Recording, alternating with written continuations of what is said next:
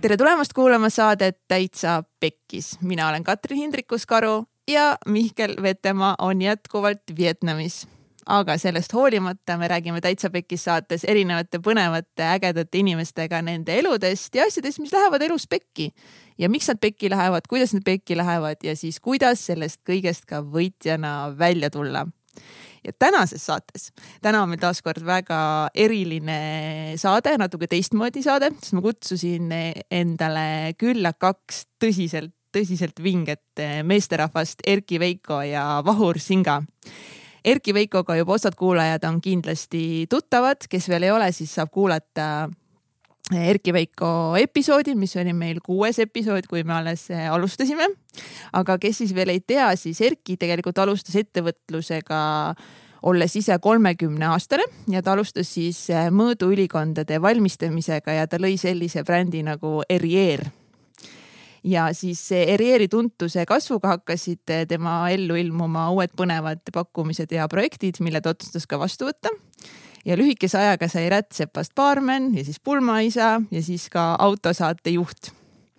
kõike seda aga kellegi ja millegi arvelt, kuni ühel hetkel siis lained hakkasid üle pea lööma. ja hiljuti siis eh, tõi tema ellu leevendust eh, selline meditatsioonilaager nagu Vipassana, mis siis avas eh, uued ideed, suhted ja uksed ning tõi tema ellu siis olulise Eh, pöörde, millest ka siis tänases saates me pikalt räägime. ja teine meesterahvas, Vahur Singa. Vahur on eh, Haapsalust pärit noormees, kes tegelikult juba neljateistaastaselt, jah, neljateistaastaselt sai aru, et raha saab ka muul viisil teenida kui palgatööl käies. ja ta tegi oma esimese veebi ja seitsmeteistaastasena ta käis küll kolm kuud palgatööl, aga see oli ka kõik ja ülejäänud elu siis palgatööl ta käinud ei ole, aga ta on teinud igasuguseid erinevaid eh, ettevõtmisi.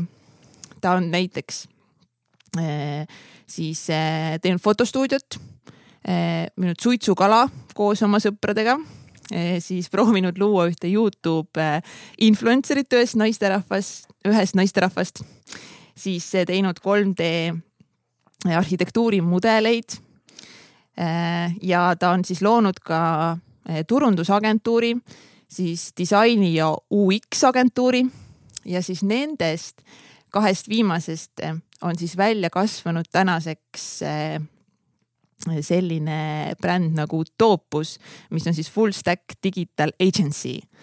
siis Vahur on selle founder ja nad ehitavad tuleviku mis on ülipõnev ja meil oli nende meestega nii lahe vestlus. see oli tõsiselt äh, sisutihe ja me rääkisime nii paljudel erinevatel äh, teemadel ja ma loodan, et äh, see episood meeldib ka sulle ja kui see, nii on, siis jaga seda vähemalt ühe oma sõbraga, kes, kellel oleks ka vaja kuulata seda kui sa saad tänasest episoodist inspiratsiooni ja uusi mõtteid, siis jaga seda episoodi vähemalt ühe oma sõbraga või tag'i meid Instagramis, Facebookis, ühesõnaga jaga, jaga teistega ka armastust. Ja kuna me ikkagist tahame väga-väga-väga endale oma tehnikat ja oma stuudiot ja ka videopilti juurde tuua, siis eh, selline keskkond nagu patreon.com kaldkriips Taitsa Pekkis. saate sinna minna ja meid eh, toetada, kui te olete saanud siit meie podcast'ist endale enda, enda elluväärtust juurde, siis saate toetada meid seal kas siis kahe, viie, kümne dollariga saate ise, ise valida ja kui sa ei soovi seda teha täna, siis see on ka kõik väga ja väga fine. ja jätkuvalt on meil käimas ka saja päeva challenge, Mihkel siis mediteerimisega ja mina oma hommikuse ärkamisega. ja Signe Ventseli episoodis me siis räägime lähemalt sellest, nii et kes veel tahab ühineda meiega selles challenge'is, siis olete kõik väga oodatud. ja kui sa täna kuulad meid esimest korda, siis sa oled väga oodatud ja aitäh, et sa oled meiega ja head kuulamist ja tere tulemast saatesse Erki ja Vahur. Yeah. Yeah. kui palju te harjutasite, et mis on teie see entry voice, mille järgi siis kuulajad hakkavad nüüd teid eh, mäletama? just, just hetk tagasi rääkisime sellest, et eh, kui midagi ei meeldi, et siis teeme cut out'i, kas see on nüüd esimene kord? esimene cut out, me põhimõtteliselt, meil on siuke saadevahur, et me no põhimõtteliselt me ei tee. siis Nagu- ma lepin sellega, mis ma ütlesin. aga kui Oh, sa saaksid uuesti teha, siis mis sa teeksid? siis ma ütleksin samamoodi, davai, hakkame pihta. ja ikka cheerleader stuff nagu. Cheerleader stuff. täna siis need kaks eh, ülimalt ägedat, edukat, kena meesterahvast siin sinu kõrvades. pärast ja saate sinu, silmades. saate vaadata Facebookist eh, või Instagramis, millised need mehed ka välja näevad mm. -hmm. ja, ja Erki vaatas mulle just silma. uh, aga see on tõde, tõde. ja me siin podcast'is räägime ainult asjadest, mis on tõde, nii et eh, see kõik on väga fine. nii, aga alustame sellest, et eh, kui eh, meie kuulajad võib-olla natuke Erki Veikot juba teavad, kes veel ei ole kuulanud Erki Veiko osa meie, meie kuues episood, siis käis Erki Veiko meil külas ja pealkirjaks oli Revolutsioon mõõduülikondade äris ja et kui see vahele jätta, siis ei juhtu midagi tegelikult. juhtub, teete väga paljust ilma, väga paljust, nii et minge kuulake kindlasti seda episoodi ära ja Erki oli meil ka külas siis, kui me tegime koos Genkaga episoodi, siis Erki oli meil kaassaatejuht. Mihkel Vetemaa. tervitused Vietnamist, Vietnamist, Vietnamisse. Erki on nagu, ongi veteran siin, mitte Vetemaa, vaid veteran. jah, täpselt nii, aga nüüd eh, Vahur täna ka siin meiega ja kui mina ja Erki oleme elus teinud päris palju ka palgatööd, enne kui me jõudsime siis ettevõtluseni, siis tuleb välja, et Vahur ei ole põhimõtteliselt üldse palgatööl käinud, saan ma õigesti aru? Äh, ja tegelikult ma mõtlesin selle peale. ma käisin ikkagi kolm kuud, aga ma olin seitseteist siis, see on, siis ma käisin, ma olin sadamas, Haapsalu jahisadamas. Grand Hall Marina, seal on kaks sadamat. ja seal ma ikkagi olin ja selle eest ma sain palka, et see tuli mulle meelde pärast. oh no, et äh, fuck, aga peab aus olema. oleks pidanud kedagi teist kutsuma ikka, valedega see asi algas. aga mida sa siis noorena juba tegema hakkasid või kuidas sinu karjäär ettevõtjana alguse sai? hmm.. see on huvitav küsimus. Ma arvan, et see kõik algas äh, suitsetamisest neljateistaastasena. et äh, kui ma olin neliteist, siis kuidagi elu hakkas nagu käima ja hakkasid käima mingid tüdrukutes ja nii edasi ja siis äh, mäletan, mulle meeldis üks tüdruk, kes oli seitsmeteistaastane võtsid kohe, vaatasid vanemat naist? Äh, see kuidagi nagu juhtus nii ja siis äh, ta suitsetas ja siis ma kuidagi hakkasin suitsetama ja siis äh, mul oli üks sõber veel, kellega me koos siis suitsetasime ja ja siis äh, sellest kujuneski edasi see, et ma jäin vahele emale, et mul oli ainult ema ja vend. ja siis ja siis võeti mult taskuraha ära, see pisikenegi, mis mul oli ja siis ma olin niimoodi, et okei okay,, nüüd enam taskuraha pole, et äh, kuidagi on vaja raha teenida ja siis ma üks päev nägin koolis, et ma käisin seitsmendas klassis, nägin koolis, et äh, üks õpetaja tegi kodulehte lihtsalt mingi HTML ja mingi koodis ja mul, ma ei saanud üldse mitte midagi nagu aru, mis äh, toimub, aga see tundus äh, cool. Too aeg Google oli olemas, aga ma ei mäleta, et seda keegi oleks kasutanud või, ja rääkimata mingitest Youtube idest või mingisugustest äh, nendest portaalidest, kus kohas sa saad õppida mi- midagi, et sellist asja ei olnud. ja siis ma kuidagi õppisin ühe päevaga selgeks äh, HTML-i järgmisel päeval tegin iseendale mingisuguse suvalise veebi ja kui ma ei eksi, siis järgmisel päeval sellest ma sain juba enda esimese kliendi, et ma lisasin enda kodulehe neti e-kataloogi. Ja siis äh, töötasin äh, ühe päeva, tegin nende veebi valmis, ootasin vist mingi kolm-neli nädalat, ma arvan, ennem kui ma selle töö, tööd nendele näitasin. ja teenisin sellega neli tuhat äh, krooni. et ma oleksin olnud rahul ma oleksin olnud rahul mingi paarisaja krooniga, aga ma ei tea, miks ma too hetk ütlesin nagu mingi meeletu summa ja nad olid nagu nõus sellega.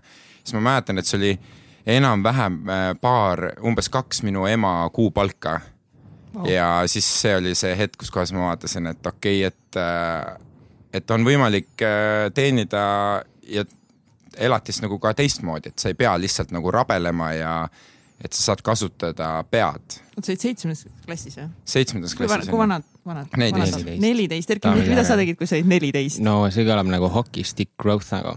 kui see oleks startup, siis oleks pidanud kohe sinust süstima rämedat pappi nagu. kui niimoodi kolme päevaga tõmmatakse nullist nelja tonnini. Aga neljateistaastased, ma käisin vist veel käsipallitrennis. üritasin nagu äh, popiks Põlva keskkoolis saada. kasvatasin juukseid ja kõik jutud, aga tegin ka suitsu. selles mõttes oli kõva nagu. aga ma ühtegi seitsmeteistaastast tüdrukut ei tundnud, nii et mul nagu selline eksplosiivne nagu ettevõtlus jäi nagu tegemata kahjuks. No see tüdruk ei olnudki võib-olla selleks äh, põhjuseks, põhjuseks oli pigem, ma arvan, mulle meeldis, meeldis kuidagi nagu head elu elada või midagi, ma nagu kuidagi tahtsin nagu chill ida ja ma nägin, et mul on raha selle jaoks vaja. no okei okay, jah, ma tegin tegelikult sellele tüdrukule välja ka, et nad siis käisime mingi Haapsalus mingi Aafrika rannas ja siis nad jõid mingisuguseid siidreid ja. mis mõttes Aafrika rannas, seal ongi selline rand nagu Aafrika rand. mis mõttes Haapsalus? Aga ma olen Haapsalust pärit. aa, okei okay.. ma olen Haapsalus. käinud. talumehe kõrts. jah, ja siis sa said aru, et, et ettevõtlus ja et sellega saab nagu raha teenida ja sinu ülejäänud tegelikult põhimõtteliselt terve elu välja arvatud, siis see kolm kuud ongi siis kulgenud selles vallas, ma saan aru. ma, ma, ma sain, ma mäletan seda, et ma sain too hetk aru sellest, et raha teenimine ei, et kuna, kuna ma nägin enda ema töötamas sõna otseses mõttes kakskümmend kolm tundi päevas ja tund aega magas. kuidas see võimalik on? no see, see algab minu lapsepõlvest pihta, et meil isa läks ära ja siis me jäime kuidagi kolmekesi ja siis äh, me jäime, ma arvan, suht, suhteliselt nagu tänavale ja siis äh, ema sai kuidagi mingisuguse korteri ja ta pidi seda korterit nagu maksma, aga ta oli õmbleja ja siis ta töötas siis selles firmas ja siis ta oli vist mingid altuurad ja siis ta kogu aeg tegi, et ma, ma mäletan, ma nägin teda väga-väga harva. et, et, oota, mis see küsimus oli? kas su ema on täna motivatsioonikoolitaja? ei, ka ju. see oleks väga hea eeskuju. Grindi, Häsli kakskümmend kolm tundi ööpäevas. Elon Musk nagu, ta ei pinguta pooltki sellest, vaata. jah. aga noh, see oli selles suhtes, et see oli, see oli hull aeg ah, ja siis ma sain nagu aru sellest, et, et ma ei taha niimoodi, et, et sa ei pea nagu niimoodi pingutama ja see pluss, pluss see aeg oligi siis see, mis mind nagu õpetas, aga tegelikult see kolm kuud, mis ma töötasin, onju, et kuna me, me ennem siis kohtusime ja vaata, kui me rääkisime, siis ma, siis ma mõtlesin seda nagu seda journey't läbi. Ja tegelikult see kolm kuud oli äh, see, mis pani mind äh, teistmoodi mõtlema, et ma kohtasin äh, selle kolme kuu jooksul seal sadamas, et kuna äh, paatidega reeglina sõidavad siis jõukamad inimesed, siis ma kohtasin igasuguseid erinevaid ärimehi eh, nii Tallinnast kui üle maailma. Ja ma sain nendega kuidagi väga hästi eh, tuttavaks. Ja niimoodi ja siis ma nägin, kuidas nad elavad. Ja vot see oli see murdepunkt, kus kohas ma sain aru, et fuck, et et ma tahan kuidagi normaalsemat elu elada, mitte käia hommikust õhtuni tööl ja lihtsalt äh, rabeleda ja nagu noh, ma ei saanud nagu aru, mille nimel, et rabel, et, et kas sa siis töötad selle jaoks, et elada või, või elad selle jaoks, et töötada. et, et sul on alati ikkagist olnud see, pigem see suhtumine, et raha tuleb lihtsalt ja hästi. ma, ma muutsin enda seda jah, selles suhtes, et ma võtsin endale selle suhtumise, et äh, mul oli väga raske kuni ma arvan, mingi kahekümne neljani välja või, et igapäevased need kõned äh, vanaemadelt ja emalt ja nii edasi, et Vahur, et kas sa oled töökoha leidnud ja mine tööle, mine tööle, sa pead leidma ja nii edasi ja nii edasi, et kogu aeg selline nagu pressure ja ja, aga ma, ma ise kasvatasin ennast täpselt vastupidi, et, et ma nagu kuulasin, aktsepteerisin seda, mida nad nagu räägivad, aga teadsin, et noh, et mul ei ole võimalik nende arvamust äh, muuta siis täna on nagu vastupidi, kõik on hästi uhked, et aa, Vahur. Vahur. kuule, aga miks nad tahtsid, et sa tööle läheks? see on see old, need vanad nagu standardid, et sa lähed kooli, õpid, lähed tööle. et kui sa tööle ei käi, siis äkki sa lähed vargile või, või sinust saab no siis sa oled joodik või,? siis sa oled äh, kuidagi nagu, ei no tegelikult seda nagu siiamaani veits nagu tunda, et, et äh, et vaadates nagu seda elustiili, et kuidas ma nagu liigun ja niimoodi, et ma ei ole mingi hommikust õhtuni mingi hõivatud ja kakskümmend, a la on kakskümmend neli H telefonile kättesaadav. siis vanaema ikka küsib, et kuule, kas sul on ikka kõik asjad makstud ja et äh, kas kõik on nagu hästi ja et äh, siis ma küsin vastu, et vanaema, aga kas sul on hästi? järsku ma saan sulle kuidagi toeks olla. ja ma mõtlen, kas nagu nüüd, kas inimesed üldse ei mõtle, et keegi peab nagu tööd pakkuma ka nendele inimestele, kus nagu inimesed saavad tööl käia, actually. Ja täpselt, nagu... vabrikud mm. ei ole veel ka nagu autonoomsed, et ühest tulevad kilud sisse ja sealt tulevad karbid välja ja keegi midagi ei tee, vaata Erki, kuidas sul on olnud, kas sa oled ka pigem kogu aeg arvanud, et raha tuleb äh, lihtsalt? vist niimoodi ei ole arvanud, vähe on sellist kogemust äh,, kus raha tuleb kergelt. ma arvan, et ma olen küll üle, üle makstud olnud, aga, aga samas äh, tagantjärele mõeldes on siin ikka nagu energiat ja vaeva ja aega ka kõvasti sisse pandud, nii et see on kuidagi nagu. kes sulle, kes sulle üle maksta julges? no ikka see, kes ei julgenud ei öelda, kui ma ütlesin, et teeme sellise palga, vaata. lao nimed välja, ma lähen äh, pakun talle teenuseid vaata, kus Erki Veiko töötanud. no need on ikka startup'id, startup värk, aga see oli lihtsalt see, et ma võib-olla, võib-olla siis see, see oli nagu selline esimene kõrgemapalgalisem võib-olla töökoht, mis siis oli minu jaoks nagu üllatus, et oo, ma päriselt sain selle, vaata. ja siis tekkiski võib-olla selline tunne, et oh sa poiss, et kui ma nüüd arvutan selle tunnitasuks ja nii edasi, siis see tundub nii uskumatu. võib-olla võrreldes sellega, mida ma varasemalt tegin või ja, et sellest, aga reaalsuses tegelikult see ei olnud nagu üle makstud, onju. aga mis, mis, mis töö see oli? see oligi müügitöö. müügitöö. sinu suure sõbra Rain Rannu Fortumus nüüd on nagu see, et ma pean kuidagi nüüd sellest olukorrast välja saama. ei pea kusjuures me võime selle jätta. me rääkisime. või vabandust, mitte, mitte, mitte isegi Raini, vaid, aga noh me rääkisime, ma küsisin siia saatesse tulekul, et kus tooli peal Rain istus ja nüüd on temast saanud äh, suur sõber. esimene küsimus, kui Vahur siia meie stuudiosse sisse astus, millise tooli peal see Rain Rannu istus, sest Rain on ainuke külaline olnud, kes on tahtnud istuda madalama sellise kontoritooli peal ja siis Vahur tahtis kohe teada seda. jah yeah ma ei tea üldse, et kas me rääkisime saates sellest, et ta võttis teise tooli või kust, kust sa üldse tead? saates ja, kui oli, siis mul jäi nagu see meelde, see oli selline nagu äh, huvitav äh, fakt. ja, talle meeldib nagu lebos istuda.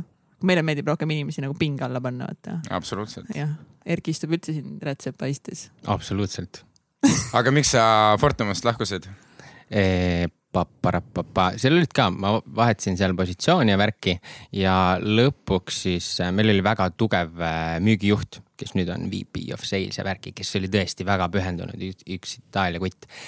et äh, ma tundsin seda, et nagu nii tugev lage on ees, et ma ei oska enam kuskile areneda ja see, kuidas tema seda tööd teeb, et nii äh, robotlikult ma ka seda ei suuda, et ta on maksimum efektiivne nagu. ta on selline itaallane, kes teeb tööd nagu mingi neli sakslast, vaata et nagu no fun, only pain, max gain, ma ei, ma ei teagi, segane tüüp. ühesõnaga ja siis ma tundsin, et okei okay,, ma nagu, mu motivatsioon on nii palju madalam või ambitsioon kui tal justkui, et ma isegi nagu ei näe sellel pointi nagu pikas perspektiivis ja siis kuidagi sinu sinu see mindset hakkab mõjutama su tegusid igapäevaselt ja kui sa hakkad natukene nagu vähem pingutama, võib-olla siis ise ka näed, et need tulemused ei ole päris see ja siis see kuidagi kooskõlas. et siis mingisugunegi pool aastat või niimoodi kuidagi see vaikne nagu langus ja siis sa ise oled juba pettunud nagu enda tulemustes ka on ju ja vaatad, et okei okay, mm., nüüd peab midagi muutuma pluss äh, selleks ajaks mul oli jälle Tartust normaalset kopp ees ja siis ma äh, leidsin, et aeg on Tallinnasse tagasi tulla kuidagi see Tartu periood sai läbi. loobusid siis öö, üle makstud töökohast? jah. kas, mis tunne oli? mõnus väga hea, väga hea see toob meid tegelikult tänase põhiteema juurde kaasa just, et, et no fun. ja kui ma Erkile helistasin mõned nädalad tagasi, et me võiksime teha koos uuesti ühe podcast'i, arutasime, et mis me võiksimegi teema fookuseks võtta, siis meil kuidagi tuli jutuks eh, FOMO ehk siis eh, fear of eh, missing out ja me rääkisime sellel teemal ja siis ma ütlesin Erkile, et kas sa tead, et sihuke asi nagu JOMO on olemas nagu joy of missing out. ja siis Erki, issand jumal, jaa, see on täpselt see, millest me võiksime rääkida ja me arutasime, kes võiks olla see eh, kolmas inimene, et me võiksime teha sellise kolmese vestluse. ja kuna minu elutee eh, hiljuti viis kokku siis Vahuriga suuresti tänu meie podcast'ile. pidi ütlema Vahuriga ah,. Vahuriga. kes oli edukas ettevõtja. ja viis kokku Vahuriga ja ma mõtlesin, et Vahur võiks olla just see inimene, kes võiks võiks täna podcast'is siin olla ja mul on siiralt hea meel, et see nii on juhtunud. Jah, Vahur tahtis, Vahur tahtis öelda midagi. ma mäletan seda, et see hetk, kui sa mind äh, kutsusid, siis kui ma õigesti aru sain, siis see hetk kutsus Erki Jaan Kruusmat ka täpselt samal hetkel Jaa. saatesse. ja, ja kuigi keegi tegelikult ei öelnud, mulle, et ma peaks midagi kuskile kutsuma, ma mõtlesin, et tuleb kohe ohjad enda kätte muidugi võtta., muidugi, sa oled Erki Veiko ja ikkagi., Ja siis ma sain just- küla ja see on nagu pluss üks, vaata. ma, ma võtsin Teidi kaasa. tema on Jaan. ja shout out to Jaan, kes eh, tuleb meil varsti ka podcast'i, võin saladuskatel öelda. väga kõva, väga kõva, ootan huviga. ja täiega, aga kuidas see Erki siis, mis sa arvad sellest Jomost üldse? mida aeg edasi, seda paremini, sest et äh, tegelikult sellest on raamat kirjutatud. Ma nagu üritasin seda mingit taustatööd ka siis teha, onju, et mida Väga see täpselt oled. tähendab ja nii edasi sa. oled nii tubli, Erki ja. seal on nagu nimekiri umbes seitsmest-kaheksast asjast, millest siis umbes nagu kolme-nelja ma tegelikult ise teen ka iganädalaselt, mida ma isegi nagu ei teadnud, et need ongi justkui selle asja nagu osad. Jomo osad. Mis need on?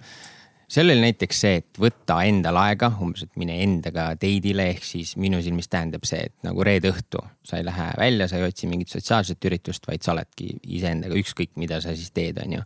ja tingimata sa ei tegele võib-olla meelelahutusega, aga loomulikult võid, onju aga see ei ole see, et mitte, et ma joon ennast äh, kodus üksi täis, selle asemel, et sõpradega täis juua, onju.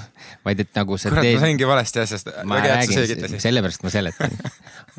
ole hästi kannatlik pead olema, see Jomo on selline peenike värk nagu. mitte selline, et nagu kirvetöö. ja, ja minu jaoks kõik Jomo on see, kus sa ikkagi käitud nii, nagu sa enda sisetunne sul ütleb, onju, et natuke võib-olla vastupidiselt sellele nagu äh, levinud ma ei teagi, arusaamadele, et ükskõik, kuidas sa reageerid natuke teistmoodi, siis see ongi see, et sa naudidki elu sellisena, nagu ta sulle parasjagu ette juhtub ja, ja noh, muidugi seal on nagu mingid sündmused ja nii edasi, aga lihtsalt see, et sa ei karda käituda niimoodi, nagu sa tegelikult äh, tahaksid parasjagu, on ju, või rääkida sellist juttu, nagu sa tahad, et see äh, minu jaoks see põhikomponent on see, et noh, inimesed, kes siis püüavad kedagi impressida, kuidas see eesti keeles on? muljet avaldada. muljet avaldada, on ju, või kogu aeg püüda mingit tugevat äh, imidžit, kuidas see eesti keeles on? Mina pilti või? tore, et meil on täna vähemalt elav et- entsüklopeedia kaasas siin Vahurina. et, et kes, kes üritavad hullult nagu hoida seda, et inimestel oleks hästi selge arusaam, kes nad on, on ju.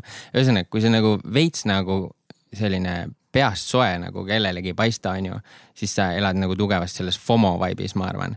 mitte selles JOMO-s, kus ongi, sa valid rõõmu alati selle vastu, kuidas keegi sinust midagi arvab, on ju aga kas see Jomo on, mulle tundub, et see on nagu rohkem seotud sellega ka, et kui sa oled endaga nagu kontaktis väga hästi, siis sa oledki, eladki rohkem Jomos ja kui sa ei ole, siis sa elad FOMos. kindlasti. sellepärast, et siis sul on väga oluline, mida teised sinust arvavad ja, ja nii edasi.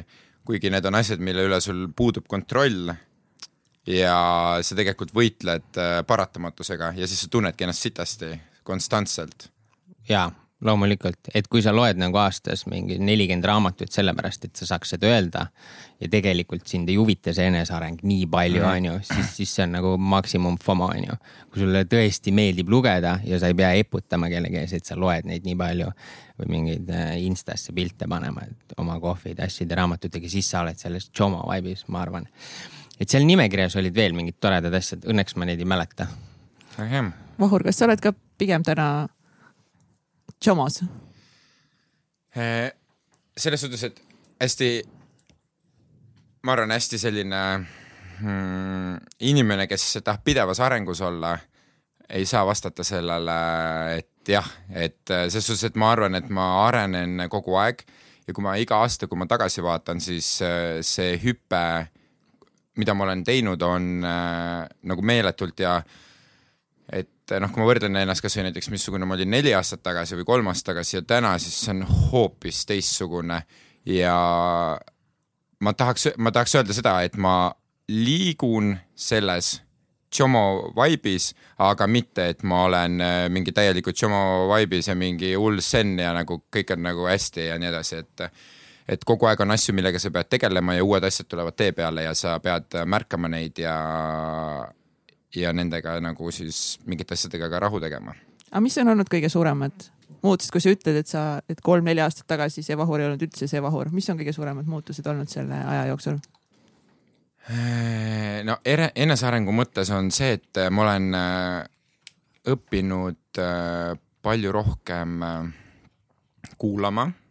vanasti ma olin äh, selline pinnapealsem ja kahekümnendate alguses või niimoodi, ma arvan, et ma olin ikkagi väga selline, et ainult mina, mina, mina ja mingisugune on ka see periood olnud, kus kohas on oluline näidata teistele, kui äh, fucking äge ma olen, et äh, noh, täna ma nagu vaatan selle peale ja noh, selles suhtes mul on hea, et ma olen seda teinud, ma ei ütle, et, et seda ei peaks tegema, selles suhtes, et sa pead kogema asju, et saada aru, et ei, et see on vale, on ju. et kui sa nagu ei saa nendest aru et mõni asi on nagu selline, et noh, sa ei pea mingi endas era süstima hakkama, et see, et saad aru, et see on nagu halb, on ju, et sa saad, sellega sa saad juba ratsionaalse mõistusega aru, et see lagundab su tervise nagu väga kiiresti ära väga meditsiiniline oli see kommentaar siin. ainuke hea miinus ongi see, et see lihtsalt lagundab su tervise ära. et äh,. muidu on okei okay, noh.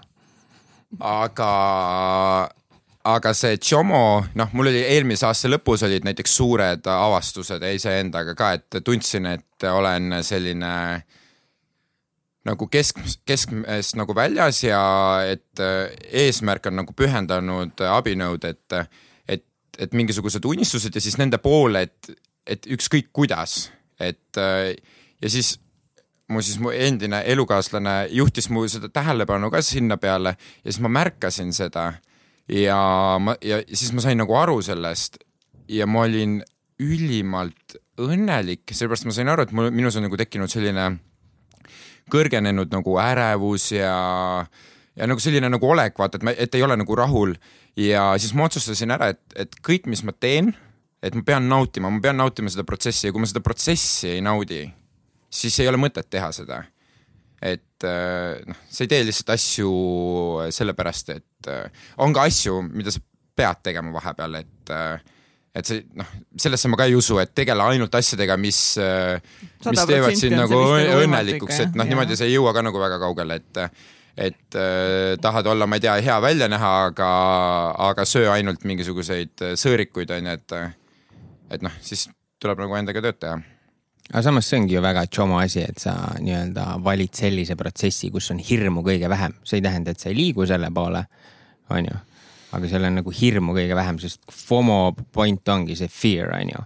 et sa teed neid asju sellepärast, et sa kardad, et sa jääd millestki ilma, aga tõenäoliselt elu jooksul me jääme ikkagi väga vähestest asjadest ilma, varem või hiljem me selle saame, on ju mm. -hmm. aga selle kiire arengu mõttes, et tegelikult ju kiiresti areneda võib ka nagu ilma suure hirmu, hirmu ärevust tundmata, see, et sa nagu hirmu ei ületa vahepeal, see kuulub nagunii asja juurde aga see, et sa oled nagu maksimumtrammis mingi nagu, sa käid kõikidel konverentsil, sa loed kõiki raamatuid, sa vaatad kõiki enesearengu Youtube'i kanaleid, sa kuulad mm. kõiki tarku inimesi ja siis sa oled selline, et fuck, ma olen nii väsinud ja ma tegelikult nagu olen täiesti kaotanud igasuguse selle keskme, nagu sa ütlesid, onju mm..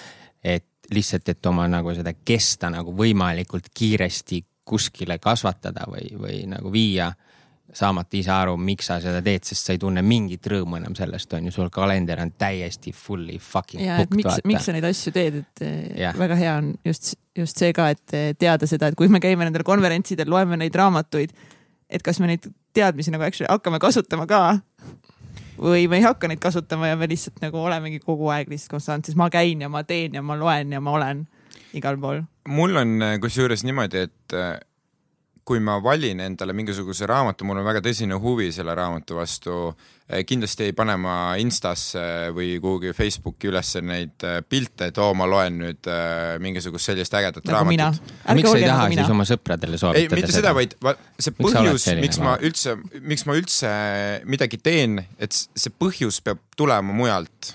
et ma olen nagu sellega nõus, mis Erki ütles, et, et sa ei saa teha asju sellepärast, et näidata, et sa nagu teed ja siis ja rääkida nendest sellepärast, et noh, nii on nagu õige, aga noh, tegelikult mul on nagu suht äh, pohhu onju. et äh, ma valin äh, väga hoolikalt neid raamatuid, mis ma loen ja üldse noh, ma näiteks ma, ma arvan, et ma pole mingi kümme aastat meediat tarbinud, et ma ei loe üldse uudiseid Eh, noh, okei okay,, ma loen mingisuguseid uudiseid, et mingisugused asjad tulevad nagu Facebookis ette onju, siis ma valikuliselt vaatan, mida ma nagu loen, aga enamus sellest on äh, mõttetu. Aga see ongi väga hea point, et tegelikult kõige olulisemad uudised jõuavad nagunii sinuni.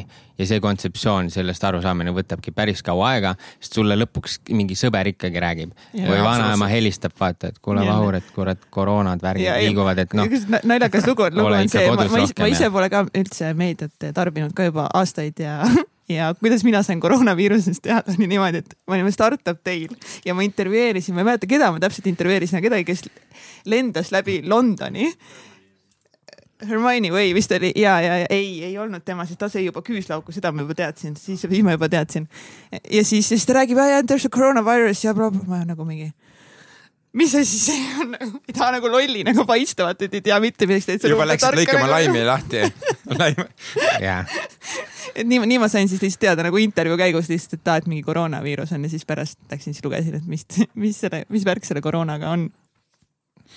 nii, nii asjad. ei see juhtubki tegelikult ja samamoodi, ega Facebook, sotsiaalmeedia ei ole ka klassikaline meedia on ju. ma miskipärast ikkagi käin korra päevas Postimehe lehel kuidagi automaatselt. kuigi ma eile mõtlesin selle peale, et ma pean hakkama mingeid lehti blokkima endal, kuhu ma nagu lihtsalt harjumusest lähen ja ma midagi ei saa. lihtsalt, et korraks nagu eskapismida sellest parasjagu tegevusest. Aga see on, see on, see on hea point, on ju.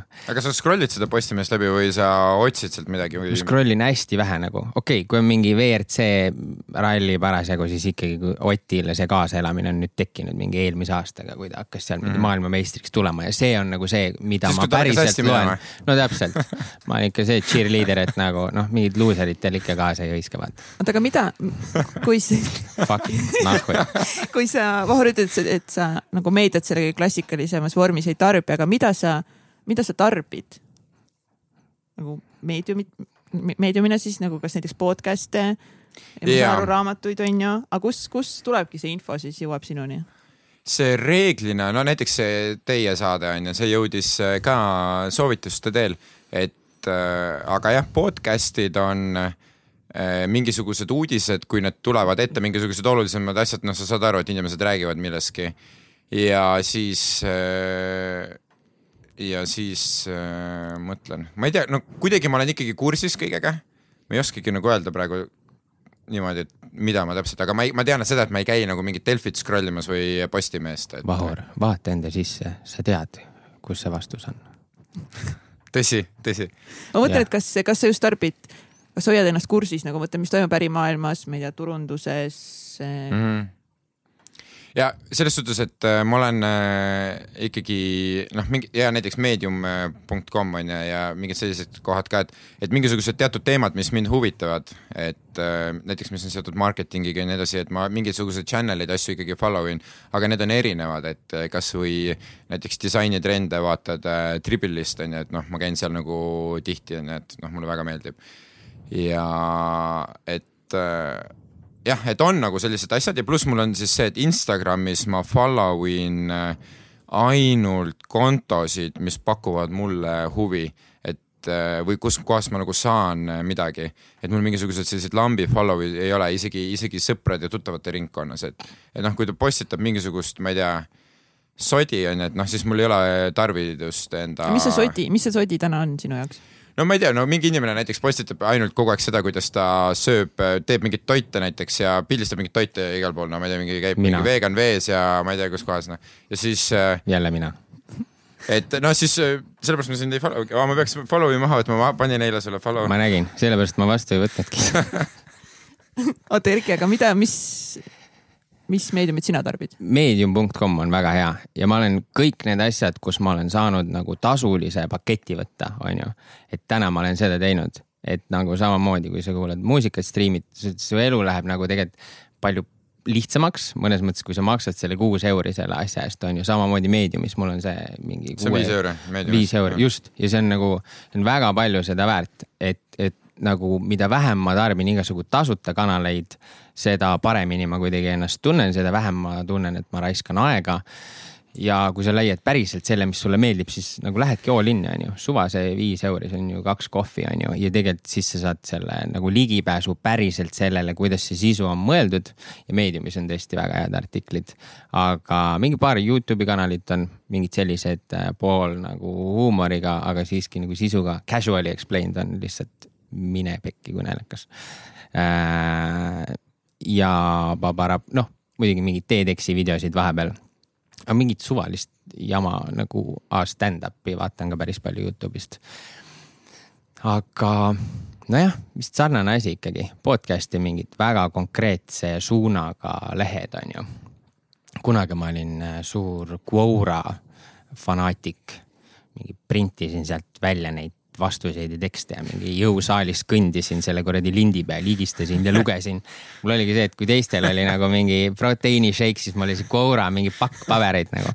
see oli mõned aastad tagasi, mulle lihtsalt nii meeldis nagu see kuidagi andis mulle hästi äh, sellise laiahaardelise pildi mingist konkreetsest teemast, on ju. ja seal olid kõik asjad nagu ärist, suhetest, psühholoogiast, inimkäitumisest, koerte käitumisest ma ei tea, millest, kosmosereisidest on ju, et seal olid nagu erinevate elualade esindajate arvamused ja arusaamad sellest teemast, mis mõnes mõttes andis palju selgema pildi sellest, et kuidas teised inimesed mõtlevad, sest me oleme nagu me ka erinevad, on ju. ja see on kuidagi põnev olnud. aga kas te tunnete, et te olete millestki ilma ka jäänud tänu sellele, et, et ei tarbi nii-öelda siis peavoolumeediat, televisiooni? muidugi see, selle saate nimi, ma arvan, ei oleks Jomo täna et see vastus on äh, tegelikult ilmselge, et selles ongi point, et äh, et äh, FOMO panebki sind tarbima seda, aga tegelikult sul ei ole vaja seda, noh, enamus on totaalne sitt, et noh, sõna otseses mõttes. Ja tekitab hirmu. Ja paljud inimesed ei saa sellest aru, et kui kerge sul on tegelikult enda mõistust ja aju nagu ümber vormida kogu aeg. Ja kui sa, kui sa vähehaaval kogu aeg tarbid mingisugust sodi siis sa nagu muutudki, sa tarbid negatiivsust ja sa, ja sa oledki negatiivne. kui sa ümbritsed ennast eh, positiivsete asjadega, eh, positiivsete inimestega, positiiv-, no kasvõi loodus või mis iganes, onju, sa muutud ise täpselt selle keskkonnaga sarnaseks ja see on, eh, seda tegelikult laias pildis ma näen, et ei mõisteta ka niimoodi. mida? välja arvatud Erki Veiko. jah, ma ei saanud midagi aru, aga ma olen nõus millest ma kellegi abiga kunagi sain aru, on see, et tegelikult see peavoolumeedia iseenesest ei olegi probleem, aga probleem on see, et see info on nii seinast seina ja nii seostamatu.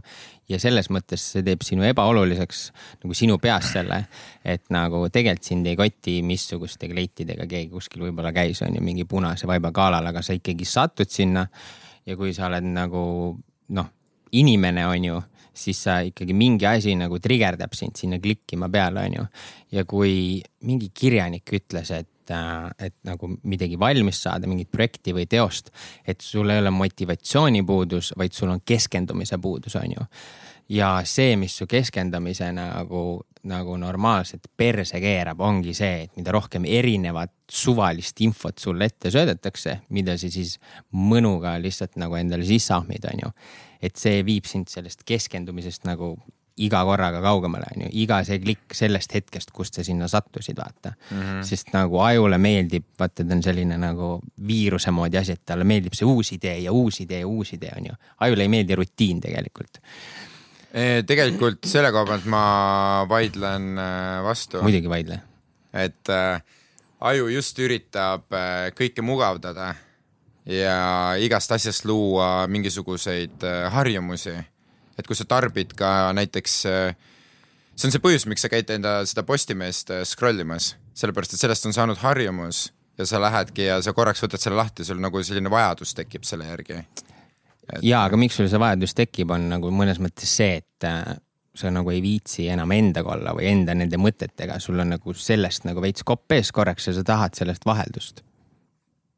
Kinda mm,. jah, nojah, see on, ma arvan, et see on. et ma saan aru, siin on mitu levelit seda. oluliselt keerulisem teema jah, et aga, aga selle endaga selle kontakti leidmine, see on üldse, see on üldse selline keeruline asi, et. aga see... kuidas sina leiad selle?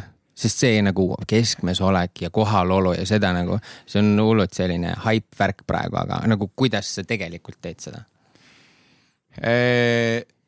see on, selles suhtes, et see on üks asi, millega ma tegelen. ära keeruta. aga see on, on erinevad, ma arvan, igal inimesel on erinevad, erinevad asjad, mis seda, mis neid nagu välja viivad. ja noh, minu puhul ongi praegu oluline see, et, vaata mingitel teatud hetkedel, vaata, ma arvan, et teil on ka, et te tunnete seda, kuidas te olete nagu ülimalt sellised rahulolevad ja ja kõik on nagu chill ja ükskõik, kes midagi räägib ja mõte töötab ülihästi ja sa saad ise valida, mis mõtteid sa nagu mõtled ja nii edasi, onju. et see tegelikult ongi see keskmise olek on ju, see ei tähenda seda, et sa peaksid sada protsenti ajast sealt selles nagu viibima. et loomulikult sul on äh, mingisugused äh, momendid, kus kohas sa naerad, oled mingi üliõnnelik, mingid momendid, kus sa oled nagu kurb, onju. ja see, see kõik on nagu hästi oluline, aga just see, et sa suudaksid äh, aru saada sellest balansist ja ennast ka nagu selles mõttes nagu kontrollida, et, et kui sa oled mingi üli, ülimalt õnnelik on ju, et noh, et sa saad nagu aru sellest on ju ja kui sa oled ka kurb on ju, sa saad aru, et okei okay,, see on nüüd ajutine, mitte sa ei ürita iga, iga hinna eest nagu võidelda nüüd sellega, et ei, kurbus on halb emotsioon, seda ei või kogeda. ma mitte kunagi enam selle inimesega ei räägi, sellepärast et see tekitab minus negatiivseid tundeid, et noh see ei ole ka nagu okei okay,, on ju. et sa peadki laskma endale seda kõike nagu kogeda ja ma arvan, et kui sa lased kõikidest nendest asjadest lahti, siis sa saavutadki selle et sa suudad olla, kui sa suudad ka kurbuses olla nagu selline mõnus ja aktsepteeriv onju ja sa saad aru, et sa oled lihtsalt kurb, siis see ongi keskmise olek mm. -hmm sama juttu tegelikult räägiti seal äh, Vipassana või sama põhimõte on seal, et sa lihtsalt ei reageeri sellele, onju kui miski on kurb, sa üle, sa ei reageeri üle sellele asjale, et see on okei okay,, sest sa, sa peadki kogema kõiki asju. just, nii tore, et Erki jõudis Vipassana teema juurde. mingi üritasin täiega nagu ja siis lihtsalt Vahur pani mulle hõbekandikule selle asja siin mingi. pani ette, aga enne, ennem kui me võib-olla selle teemani jõuame, siis eh, kuidas on Erki sinu elu viimase aastaga muutunud ja sina ise isiksusena mm,? ma arvan, et see rahulolu kasv ongi kõige olulisem olnud, et äh, ma ei tunne enam ajalist survet, onju et nagu mul on nüüd kuskile kiire hullult, sest kuidagi kahekümnendates sa tahad kõike jõuda kui kahekümnendad olid minu jaoks paar aastat tagasi, aga details. aga nagu see, see asi on ka see, et kui sa alustad selle ettevõtlusega, siis sa, sul on need suured eesmärgid ja sa hullult mm. tahad sinna jõuda nagu hästi kiiresti. aga miskipärast see kiirus on minu jaoks nagu tähtsuse kaotanud. et, äh, et pigem mul on see, et nagu iga nädal nagu ma nii-öelda kuidagi elaks niimoodi, et ma olen nagu maksimaalselt äh, rahul, on ju õnnelikkus ei puutu üldse asjasse. võib-olla ka väga nõme nädal, aga ma olen ikkagi rahul, sest et nõmedale nädalale järgneb nagu lahedam nädal, on ju. aga võib-olla jah, selline, et vähem tõmblemist, vähem ärevust ja ma ütlen, et need, et nüüd ma võtan endale, kõik pühapäevad on mul ainult endale võetud, on ju. et äh, mingid sõpradega mingid pannkoogi hommikud nagu pff, never. mida, sa teed siis enda pühapäevade päevadel? Sööb üksinda pannkooke? ongi, Nutellaga lihtsalt nagu määrin näkku endale seda.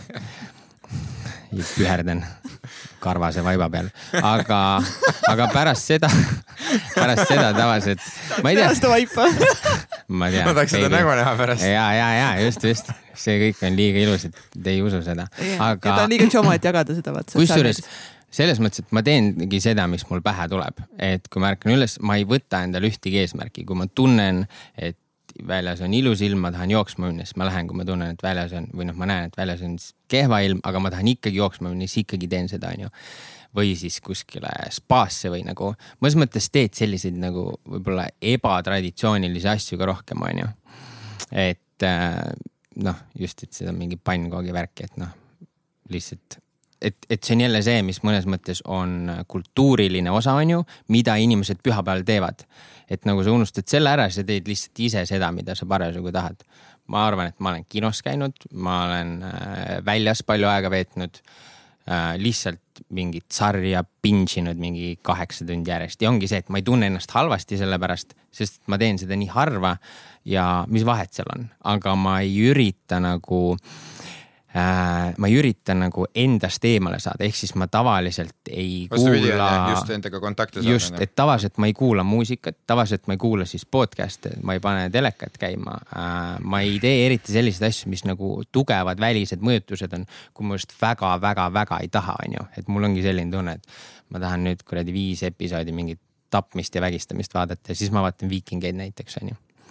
sest seal on mõlemat piisavalt. aga kui sul on, on see pühapäev kas sa ja sa oledki nagu üksinda ja sa nagu näed näiteks, et kõik on näiteks peredega väljas või sõpradega kuskil jalutavad, äh, ma ei tea, rabades on ju. et kuidas sa nagu ennast tunned see hetk, kas sa ei tunne, et sa oled nagu kuidagi kõrvale jäetud, üksik või niimoodi ja kui tunned, et kuidas sa siis, kas, mis sa teed nagu nende emotsioonidega, kas sa lased endal lihtsalt olla või sa üritad neid kohe nagu fuck, davai, ma ei ole üksik, ma hakkan sõpradele helistama äh,. Aga, aga ma ei tunne seda kusjuures, sest ma olen aktsepteerinud seda, et ma täna olen siin, kus ma olen ja sellel on mm. mingi põhjus, mis tuleneb siis mu eelmistest otsustest. et äh, mul ei ole mingit reaktsiooni nendele peredele ja kõikidele toredatele asjadele, mis seal nagu toimuvad. et äh, see ongi justkui nagu ma olengi enda pere ja enda sõber sellel päeval ja tihtipeale ma isegi ei vasta telefonile ja üldse ei tegele nagu muude asjadega, et sa, sa harjutadki nagu päeva lõpuks enamus ajast oma elus sa oled üksinda, on ju mm. -hmm. et see, mis sa kõike näed, see on kõik tore, aga kui sa ei suuda nagu endaga leppida sellisena, nagu sa oled, siis, siis ikka päris keeruline on olla ka seal, kus sa oled teistega koos ja kõikides nendes muudes toredates asjades, on ju. kas Vahur suudab olla iseendaga üksinda? See on äh, hästi hea teema, see on äh, asi, millega ma, kui ma rääkisin, ma tegelen nagu rohkem siis pööran enesearengule, et see on üks asi, millega ma tegelen. et ma usun äh, väga sellesse, et kui sa ei suuda iseendaga niimoodi nagu kesk, keskmes olla, onju, siis sa ei suuda, see tähendab seda põhimõtteliselt, et sa ei armasta iseennast, onju. ja kui sa ei suuda iseennast armastada, onju, et kuidas siis keegi teine üldse suudab sind armastada, sinu sõbrad või kasvõi su naine või kes iganes, onju. et, et see on hästi huvitav teema ja ma tegelikult käisin, eelmine nädal käisin kinos ja käisin üksinda kinos ja see oli esimest korda kusjuures mu mäletamist mööda. et muidu mul on kogu aeg inimesed ümber ja ma olen kuidagi nagu harjunud sellega, aga samas jällegi, kui ma olen üksinda, mul ei ole selle üle nagu mingisugust hirmu või midagi sellist, et see on nagu cool. Et ja mingisugustes rabakäigud ja mingid asjad, et sellega ma nagunii tegelen üksinda, mulle tegelikult nagu meeldib. et autoga mulle meeldib üksinda sõita oh,. Oh, ja, ja muidugi ja see ei olegi üksinduus, vaid see ongi üksinda olek lihtsalt on ju üksi lihtsalt, selles ei ole midagi negatiivset. et siis sa võidki nagu, ma ei tea, teedki lihtsalt naerad ja mängid lolli ja kuidagi veedadki endaga kvaliteetaega, onju. ja kõik need kinod ja teatrid ja ma ei tea, kontserdid ja asjad, et ma arvan, et seda peakski igaüks proovima ühe korra üksi ka teha. et selles on nagu teatud ebamugavustunne, et kuidas ma nüüd seal seisan või nagu kõik on ju kuidagi koos, onju. tegelikult on täiesti poogen sa lähed sinna, et kogeda maksimaalselt seda ilma selleta, et keegi sult küsiks midagi annaks mingeid hinnanguid, tagasisideid, onju. et sa saad selle kõige puhtama kogemuse, miks üksinda. ja reisimine üksinda uh,. just, ma ei tahtnud seda sõna kasutada, aga. Kurat, cut. ei, ei si, sina räägi sellest selle osa me lõikame välja. ma ei ole seda kusjuures äh, teinud, aga mul on sõbrad teinud ja nad on rääkinud, et see on nagu ülim asi ja ma olen planeerinud äh, sellist asja, aga siis on jällegi mingid uued inimesed ümber tekkinud, mingid uued äh, kutsumised, et ma ei näe nagu ka sellest midagi halba, et äh, sõpradega koos reis, üliäge, no mul on lihtsalt nagu nii fucking ägedad nagu tripid olnud äh, sõpradega. Et aga noh, see üksinda reisimine, ma arvan, et see on ka äge, noh, sa pead seda lihtsalt äh, kuidagi tegema. Tuleb teha, vähemalt üks kord elus. ja, ma tegin, mul on just üksinda reisid paremad olnud. ma hakkan iga kord oma sõpru vihkama, kui ma nendega reisile lähen. Et see on koht, kus kohas saad iseendaga tegeleda? Mm? -mm. Nemad on süüdi. Ei, selle kohaga ei saa. Nemad on süüdi. Aga ma sõitsin läbi Venemaa selle rongiga, vaata, mingi Aa, nädal aega järjest. ja see oli eepiline ja see on nii huvitav, et kui sa passid kuskil, sa ei tee midagi sest et sa oled seal kuradi rongis kinni, onju. inimesed ise tulevad sinuga rääkima, et see on hästi huvitav, mida me võib-olla ei adu, et nagu kui sa pikalt oled ühe koha peal, siis sinu ümbrus hakkab kuidagi nagu märkama sind ja, ja nagu kuidagi kontakteeruma või ühendust võtma või ma ei tea, kas mm. iganes seal reisi saad, oo oh, kuule, umbes, et äh, mis passid, et joo teed või midagi, onju. noh, lihtsalt sinu juurde hakkab ise nagu info tulema, et selles mõttes see paigal püsimine ka nagu reisidel üksinda on päris hea asi, mida vahepeal teha, et mitte sa ei pea jooksma nagu nonstop ringi, onju. aga see oli väga pull, et äh, ma läksin selle eesmärgiga, et vene keel nagu baas äh, arusaam sellest saada, vähemalt arusaamise tasemel, isegi kui ma rääkida ei suuda. ja mul õnnestus see ja ma olin täiesti nagu üllatunud, et nagu kolme nädalaga on võõras keel võimalik niimoodi ära õppida, et sa ei tunne hirmu kui sa pead mm. kellegagi suhtlema, onju. siis ma tellisin süüa ja hullult möllasin seal ja kindlasti hästi halvasti rääkisin. aga kui sa, nii kui sa oled sõbraga, onju, siis sa ei pane ennast sellesse olukorda, et kuule davai kuradi kavarim baruski nüüd onju. ja sa ei saa sellest kultuurist nii sügavat osa tegelikult. aga kui see pole eesmärk, siis on, siis on suva. aga Erki, räägi siis eh, oma kogemusest Vipassanaga. räägi kõigepealt, eh, tean, et Jüri käis meie saates ja ta rääkis ka, aga mis asi on siis Vipassana laager, kus sa käisid ja miks sa sinna läksid? mm,? see oligi kümnepäevane laager, see oli teist korda Eestis nüüd äh, äh, oktoobri lõpus. ja seda mulle kaks inimest soovitanud. üks nendest on meie kiisupall Jaan Kruusmaa. Shout out to Jaan Kruusmaa. Jaan juba teise shout out'i siin okay. saates. Jaan on staar meil ja, ja siis äh, üks teine tore sõbranna ja siis ma mõtlesin, et kui kahelt erinevalt inimeselt tuleb mingi tugev soovitus, on ju, või noh, selles mõttes tugev, et nagu konkreetne, et kuule, sa võiks selle, seda kaaluda. aga kas sa siis rääkisid neile, et sul on kuidagi raske olla või miks nad sulle üldse soovitasid sellest, et lambist ei tule inimene, kuule mine Vipassanasse? Või võib-olla oligi see, et nagu mingitel hetkedel ma olen selline laialivalgunud, et veits nagu skiso, et nagu tahan ühele poole joosta ja teisele poole joosta ja siis täpselt ei tea, mida teha ja siis nagu see Vipassana justkui ongi see hea vastus sellele on ju, ma ei tea, kas parim vastus, see sõltub inimesest juba. aga, aga see on üks, kindlasti üks raskemaid asju, mida ma elus teinud olen. E, just sellepärast, et sa peadki seal jälle hästi palju endaga olema, on ju kümme päeva järjest sa põhimõtteliselt mediteerid seal mingi sada tundi selle aja jooksul on ju. kümme tundi päevas? põhimõtteliselt jaa ja., ideaalis. sa võid muidugi seda üle lasta ja sa ei tohi kellegagi rääkida, sa ei tohi midagi lugeda, sa ei tohi midagi kirjutada, sa ei tohi kuidagi infot endast välja saada, on ju. ja, ja see teebki selle keeruliseks, et siis nagu äh, kui, kui tsiviilis su äh, nagu keha on vaba, aga mõistus on justkui vangis mm -hmm. kogu selle info sees on ju, siis seal on vastupidi. su keha on vangis, sa elad seal justkui nagu munk või nunn, on ju.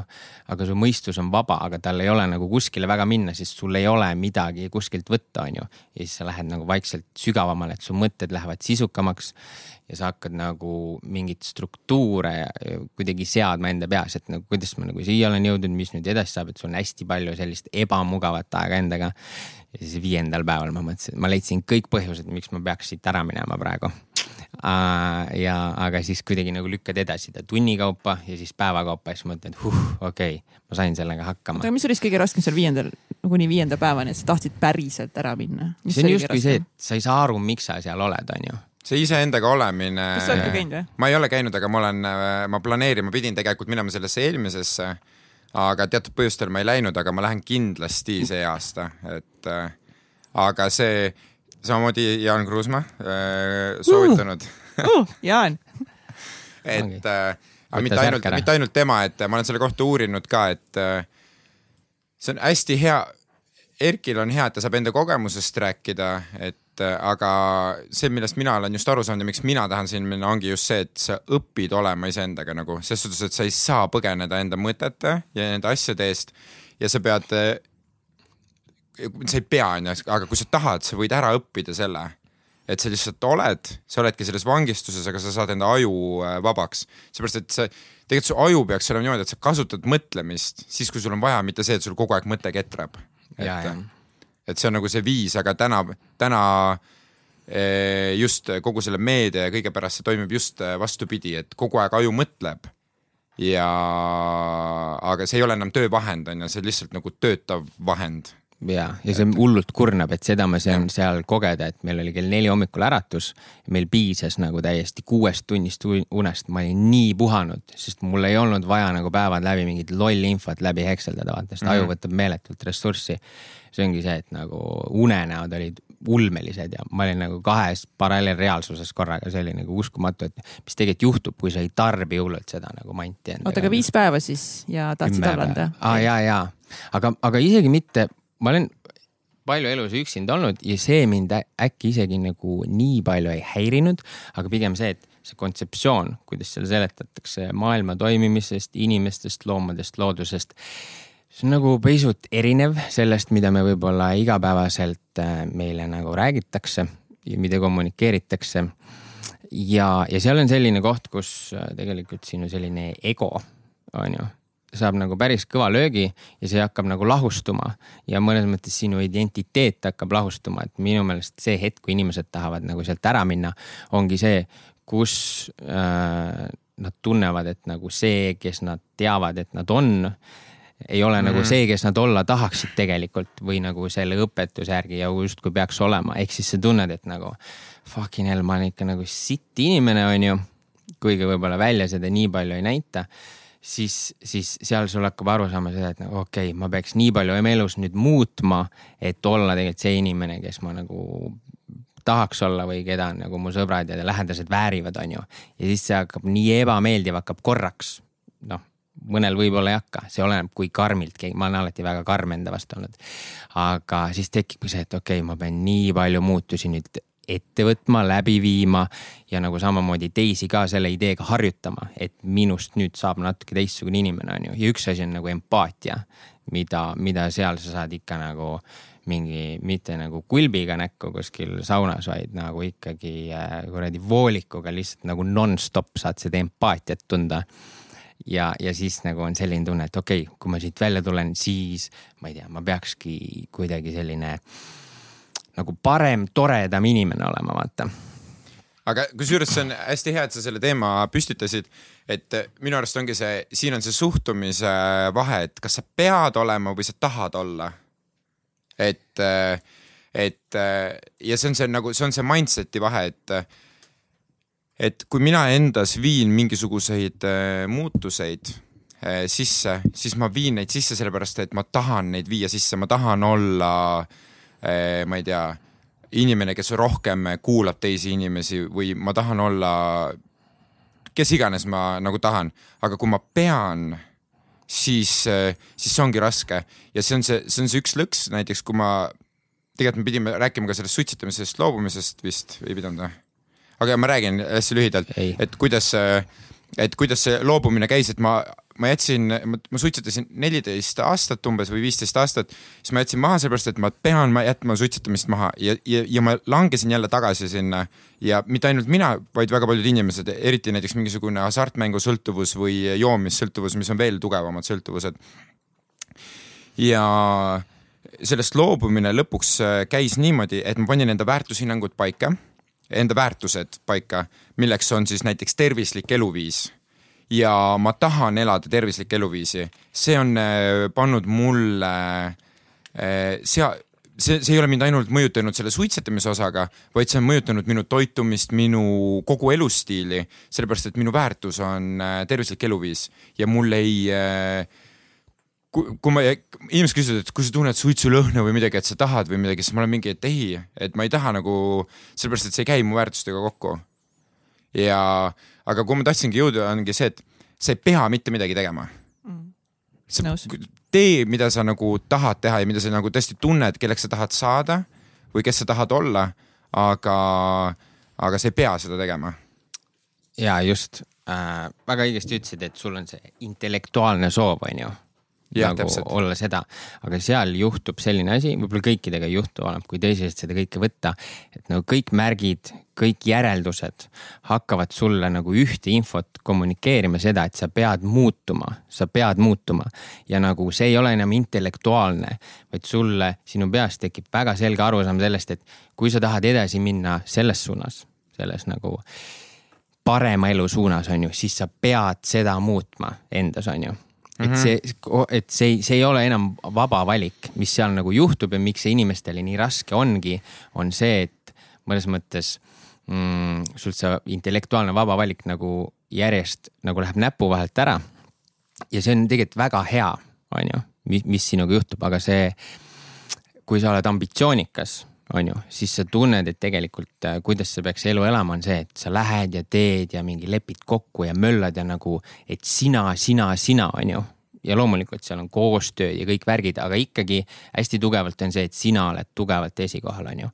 aga seal justkui sulle ikkagi tehakse üsna, üsna efektiivselt selgeks see väga lühikese ajaga, et see mm, kuidas nagu päriselt sinu elu läheb paremaks, on ikkagi see, et kui, äh, kui sa hakkad tugevalt, tugevalt nagu teiste suunas mõtlema, on ju. ja jällegi kõik need startup'id räägivad ja lahenda kellegi probleem ära, on ju, ja siis sa saad nagu rikkaks, on ju. aga, aga seal on alati see, et nagu, et saada jõukaks, siis sa pead teisi aitama, on ju, seal on see, et ma tahan raha, ma pean teisi aitama, on ju. aga seal äh, Vipassanas või selles budistlikus õpetuses on ju, mis ei ole budism, on ikkagi see, et sinu ainuke õige tee ongi teiste vastu nii hea olla, kui sa oskad, ilma midagi vastu saamata. sõna mina on äh,, näitab ego.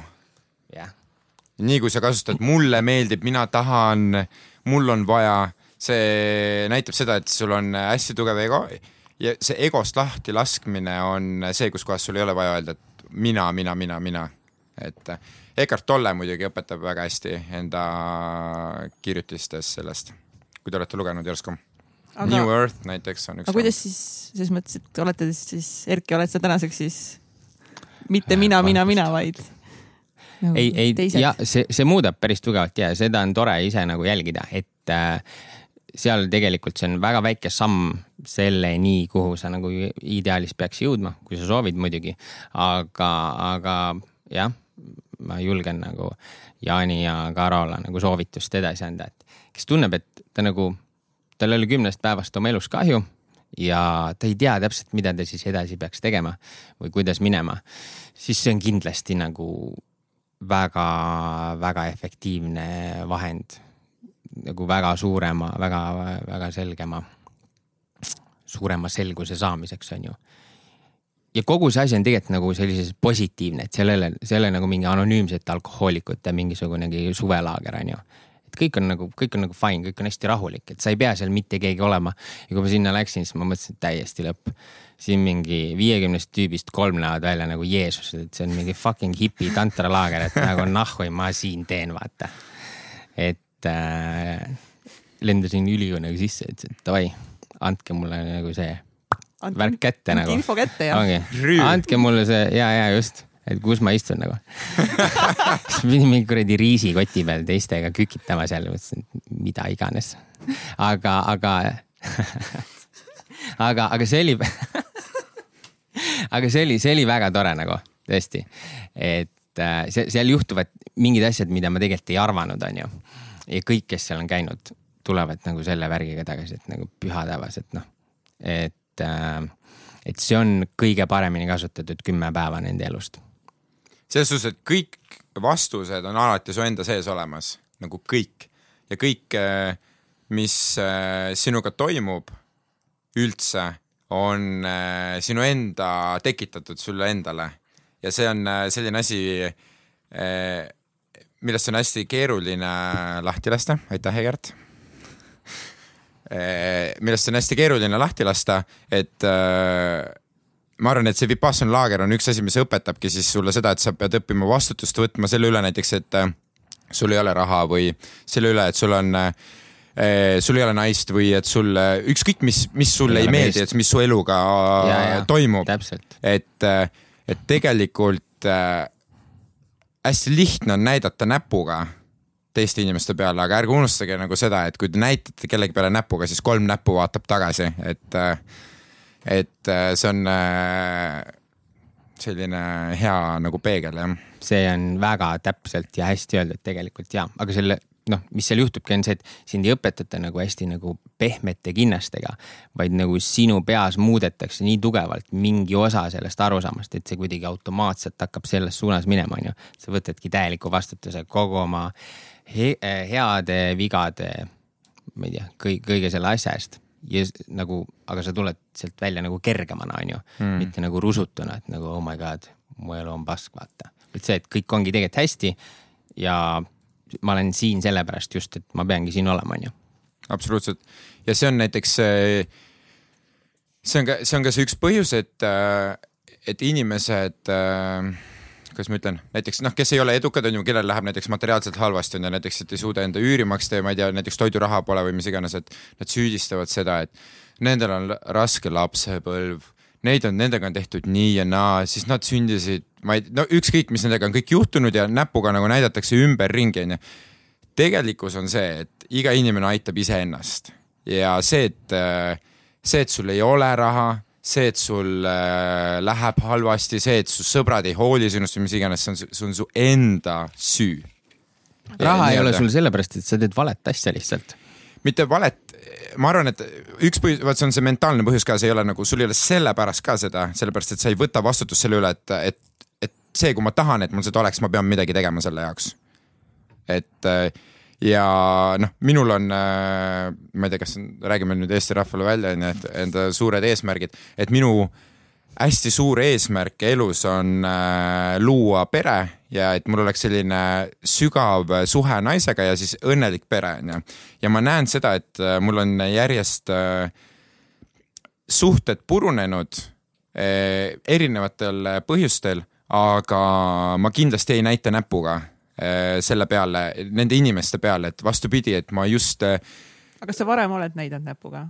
absoluutselt ja ma olen kahekümnendates äh, kindlasti näidanud äh, näpuga, et ma arvan, et selline suurem tugev areng sai alguse neljakümnendates? Äh, kahekümne seitsme aastaselt, siis ma kohtasin ühte tüdrukut, kes oli armeenlane, kellega ma olin ka kihlatud. ja temaga, et noh, enda suurimad õppetunnid elus tegelikult kuskohast hakkas pihta minu nagu selline suur areng, onju, kus kohas ma hakkasin laskma lahti nendest äh, nii-öelda asjadest ja ma ei tea, et oo vägev, auto peab olema vägev ja ma ei tea, äh, korteris peab olema, ma ei tea, mingisugune lagi, ma ei tea, mingi läikima või mis iganes, onju. ja siis, et tema nagu õpetas hästi palju mulle seda.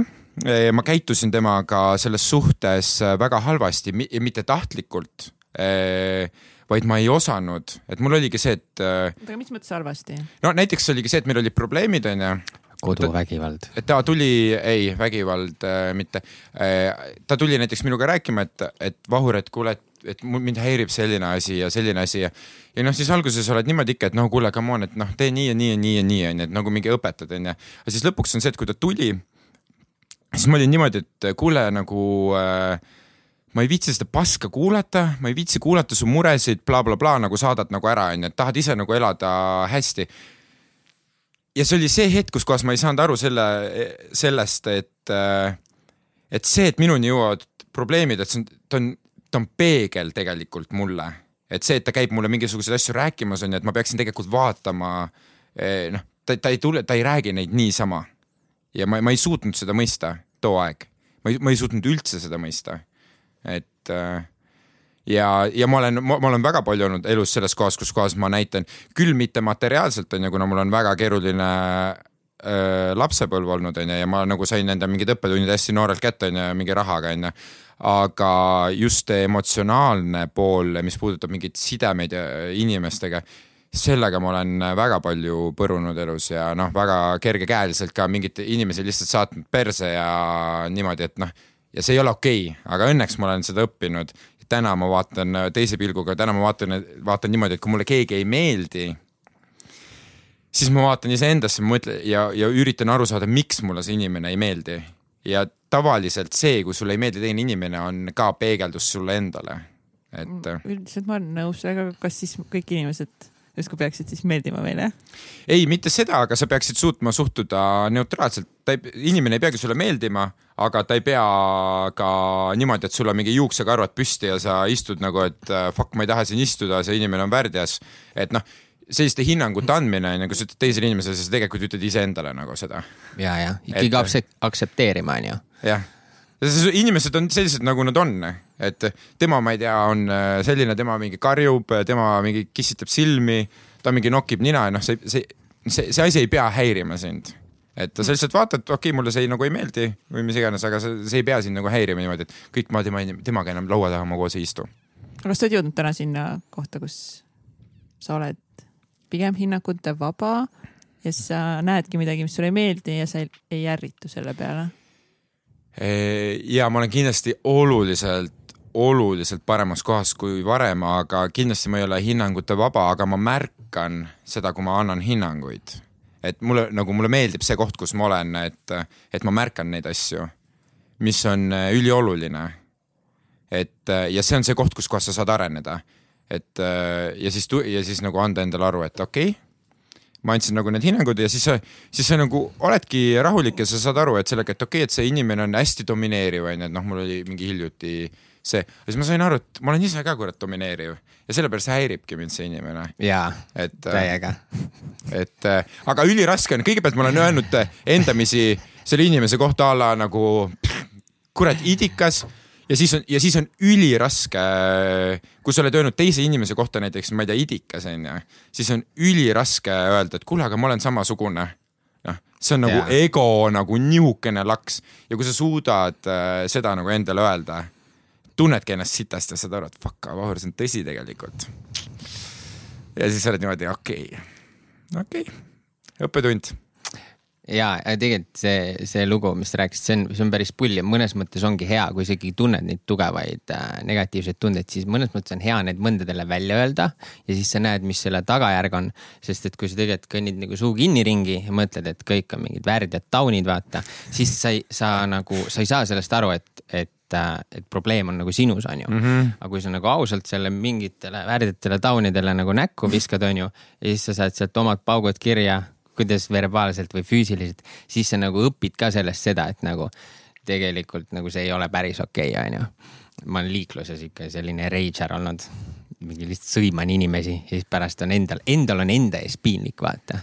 endal on äh, pärast sitt olla, aga vaata seda nagu ei olla on hea, aga lihtsalt piinlik. aga seda on katsetada hästi nagu lihtne eh,. seda, et kui, kui sa kui sa tahad aru saada, kuidas see peegel nagu toimib, on ju, et on oluliselt mingi keerulisemad asjad, on ju, kus kohas sa vaatad, et inimene on värdjas, on ju. et, et. sa et, lihtsalt näed teda ja vaatad, värdjas. mida aga, sa teed, noh? aga on lihtsamad asjad, ma toon lihtsalt näite, et, et, et lähed näiteks kontorisse ja hakkad iga päev inimesed, kes sulle vastu tulevad, on ju hommikul ja hakkad neid kallistama. mis juhtub lühiajaga, on see, et kui sa sinna kontorisse sisse astud ja sa enam ei kallista näiteks kahe nädala pärast neid inimesi või ma ei tea, kuu aja pärast, nad tulevad ise sind kallistama et see, mis sa nagu välja annad, on see, see on see peegeldus alati see, mis sa vastu saad. et see on selline lihtne ja märgatav asi, aga mingisugused äh, asjad, et miks inimesed tulevad sinu juurde ja räägivad sulle probleemidest, on ju. noh, noh, see on hea nagu küsimus, on ju. ja seal on ka hea vastus olemas. ja mis see vastus on? no järelikult sa, no selles suhtes, et kõik, ühesõnaga, okei okay,, Erki naerab ma pean korra ära käima Erki, Erki otsustas lihtsalt, lihtsalt lahkuda meie vestlusest, aga Vahur võib eh, äkki jätkata. Erki pidi terve aja istuma rätsepistmes ja ta on äh, nüüd esimese libastumise teinud, kui ta ära käis. on jah, kuradi Erki no, andis niimoodi alla. ootame ta ära või? või ei oota, suva, las ta olla seal. okei okay,, nii, okei okay., mis siis, mis järeldus on siis? et inimesed tulevad, räägivad sulle Need- enda probleemidest ma arvan, ma arvan, et kui inimene tuleb sulle rääkima mingisugustest asjadest, mis nagu sinu pihta käib nagu, mis kuidas kui sa tunned ennast nagu puudutatuna, siis sa tegelikult kiirgad seda välja kuidagimoodi, sa annad seda välja. aga, aga tihti me teeme neid asju äh, mitteteadlikult. noh, ma olen lihtsalt nagu enda suhetes näinud äh, sellest, et, et äh, oli üks suhe, oli teine suhe ja tegelikult ka nüüd tagantjärgi analüüsinud seda, et, et see viimane, et, et tuleb mingisuguste asjadega rääkima, siis mõtled, fuck, aga see tšikk käis mulle, rääkis samu asju nagu. ja siis nagu mõtled, et kurat, aga asi ei ole ikkagi nendes tšikkides nagu, et äh, asi on ikkagi äh, sinus. et äh, just see on, aga need, need, need asjad on nagu keerulised ja nendest aru saada teinekord on ülikeeruline, et mõnikord võivad need asjad äh, ulatuda lapsepõlveni välja, su mingisugused alateadlikud käitumismustrid, millest sa ei sa ei suudagi ratsionaalselt ära põhjendada. et äh, ise ja siis lähed kuhugi, ma ei tea, terapeudi juurde ja siis ta ütleb sulle, õigemini siis sa räägid talle kõik asjad ära ja siis ta ütleb, oo kuule, märka seda. siis saab mingi, aa oh, fuck, oo oh, thanks, kuule, tšau. noh, keerasid selle mingiks psühholoogia saateks vahepeal või? ja, oota, aga Damn kas, boy, kas see nüüd sa siis enam ei pea minema teraapiasse, said, said juba korda? muidugi peab. Ei, ma arvan, et äh, selles suhtes, et see arengu teema on ikkagi selline asi, mis äh, peaks kestma läbi elu. et vaata, maailm muutub ja mõtted muutuvad, sa ise muutud mm. ja sa ikkagi hoiad ennast kogu aeg nagu sellega, see ei ole nii, et et see on mingi level ühest kuni level kümneni, davai, ma olen level kümme nagu fuck yeah ja nüüd, äh, mis sa siis edasi teed? Beaches and hoes, täpselt. täpselt, ongi nii on. Erki, kuidas sul on? mõnus. Nüüd nüüd on mõnus, Erki Jaa. viskas endale kraanist korralikult eh, külma vett näkku, et püsida siin selles rätsepistmes veel mõnda tundi. nii, Erki, kuidas sul, kuidas sinul suhetega lood on äh, no või on olnud? keskpärased ikka noh.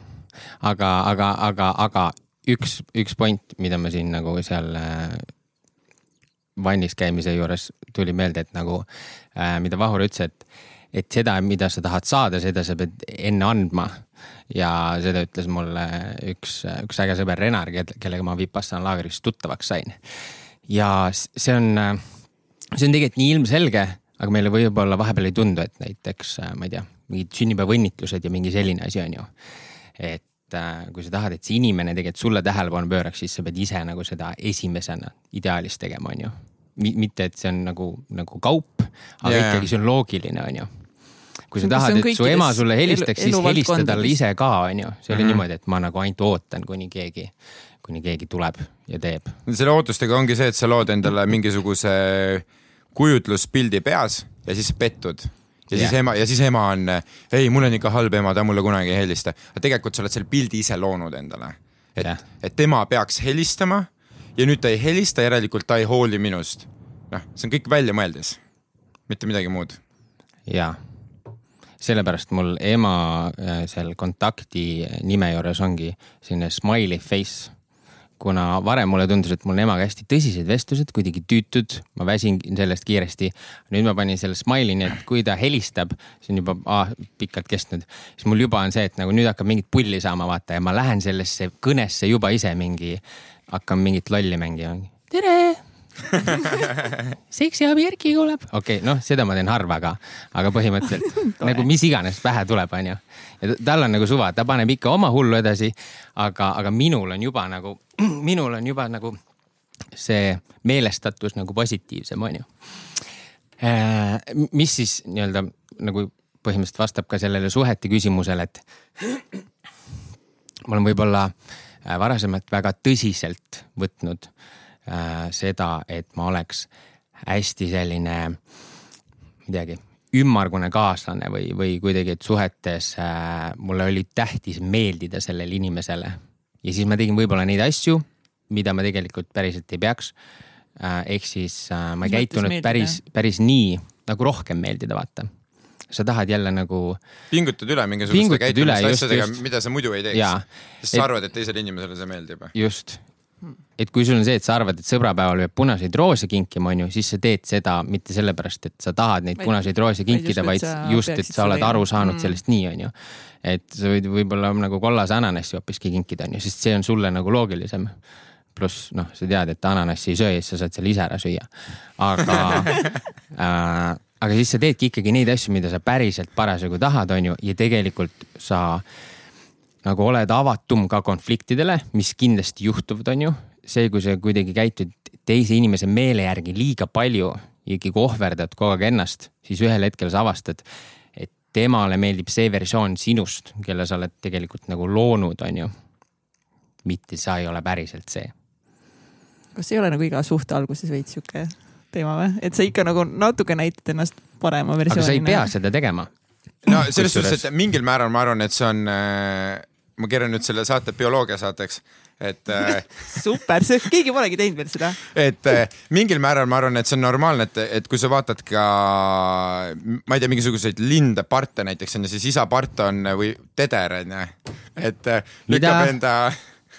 mis asja? Mis lükkab enda part... suled äh, Mis... laiali ja tal on hästi värvikad nagu suled ja näitab ennast paremini tegelikult, kui ta välja näeb, onju, et tähelepanu saamiseks. isapart, isapart on sinise kaalaga, onju okay. emane on üleni pruun, et teda välja ei paistaks. munad on ka pruunid. jah, aga mingil määral ma arvan, et see on hea, et sa tahad näidata ennast äh, ka võib-olla mingisugustest parematest külgedest, aga jah, selle vale pildi loomine ei ole kindlasti hea, et, et noh, see varem või hiljem on, see tuleb välja, onju, selles suhtes, et sa lähed ikkagi enda harjumustesse tagasi. ja siis ütleme, kui see juhtub näiteks aasta hiljem onju, siis sa oledki lihtsalt aasta aega midagi, mingit lollitanud mingit inimest, raisanud iseenda elu. ja, tema nagu elu. ja tema elu ja siis lihtsalt see asi on. Okay. ei nagu väga basic asjad, ma olen avastanud, ma ei, ma ei tee nagu mingit romantika jura vaata, mingid äh, käest kinni kohvikutes, noh, ma ei viitsi mm. selles. kats nagu, küll teeb. ma tean äh,. ma olen nunnu cute, aga selle asemel ma teen mingeid muid asju, onju, mis võib-olla nagu on näiteks. sama nunnud, aga. mis need on? meil on vaja teada räägi välja. räägi välja, räägi välja. räägi välja, siis järgmine naine, kes su tee peale satub, on see Erki, ära tee nii. podcast'is rääkisid küll, et sa teed hoopis niimoodi Jah. ja nüüd sa hoiad kätt mu kohvikus, see ei olnud see, mida mul, Jah. mulle lubati. mul, ma tahaks pigem ta jalga kohvikus hoida. Erki.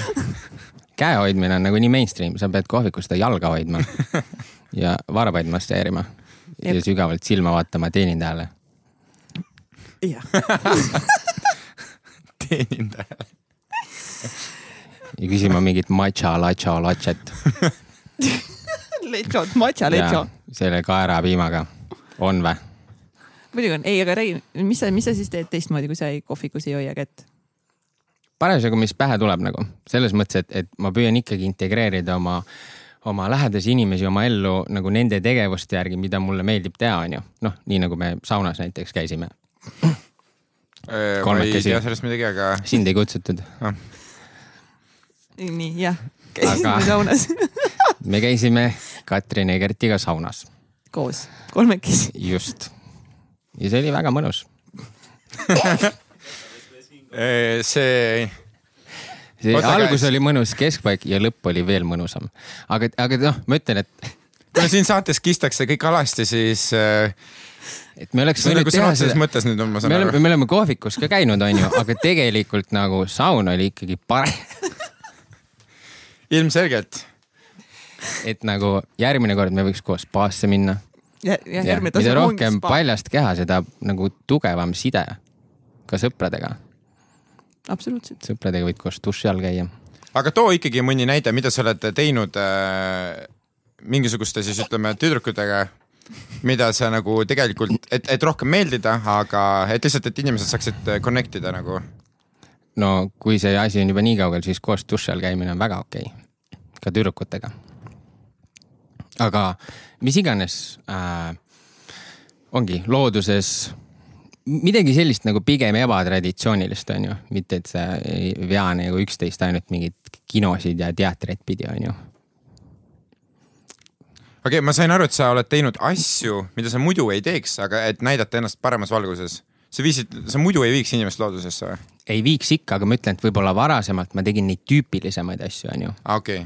varasemalt Näiteks- viis kohvikusse. ja no kas midagi sellist on ju, et äh, või, või siis peole on ju, lähedki nagu keskkonda, kus tegelikult teil omavaheline side on hästi madal, sest lihtsalt Mhm. muusika on kõva, pluss alkohol, pluss sõbrad, värgid, et tegelikult teie aja veetmine, et äh, ma, ma ei ütle, et peol käimine on halb, see on kindlasti vä- väga tore, aga minu jaoks suurem väärtus tutvumise alguses on sees, kui me koos näiteks poodi läheme, on ju lihtsalt nagu mingit süüa ostma või midagi nagu tavaliste asjade tegemine nagu näitab paremini sulle, kes see inimene tegelikult on, on ju. et kui sa nagu sa oled mingi suur äh, lõhefänn ja te kõnnite kalaletist mööda, see on see on ikka maksimumrõve, on ju, siis sa saad seda nagu tegelikult teada.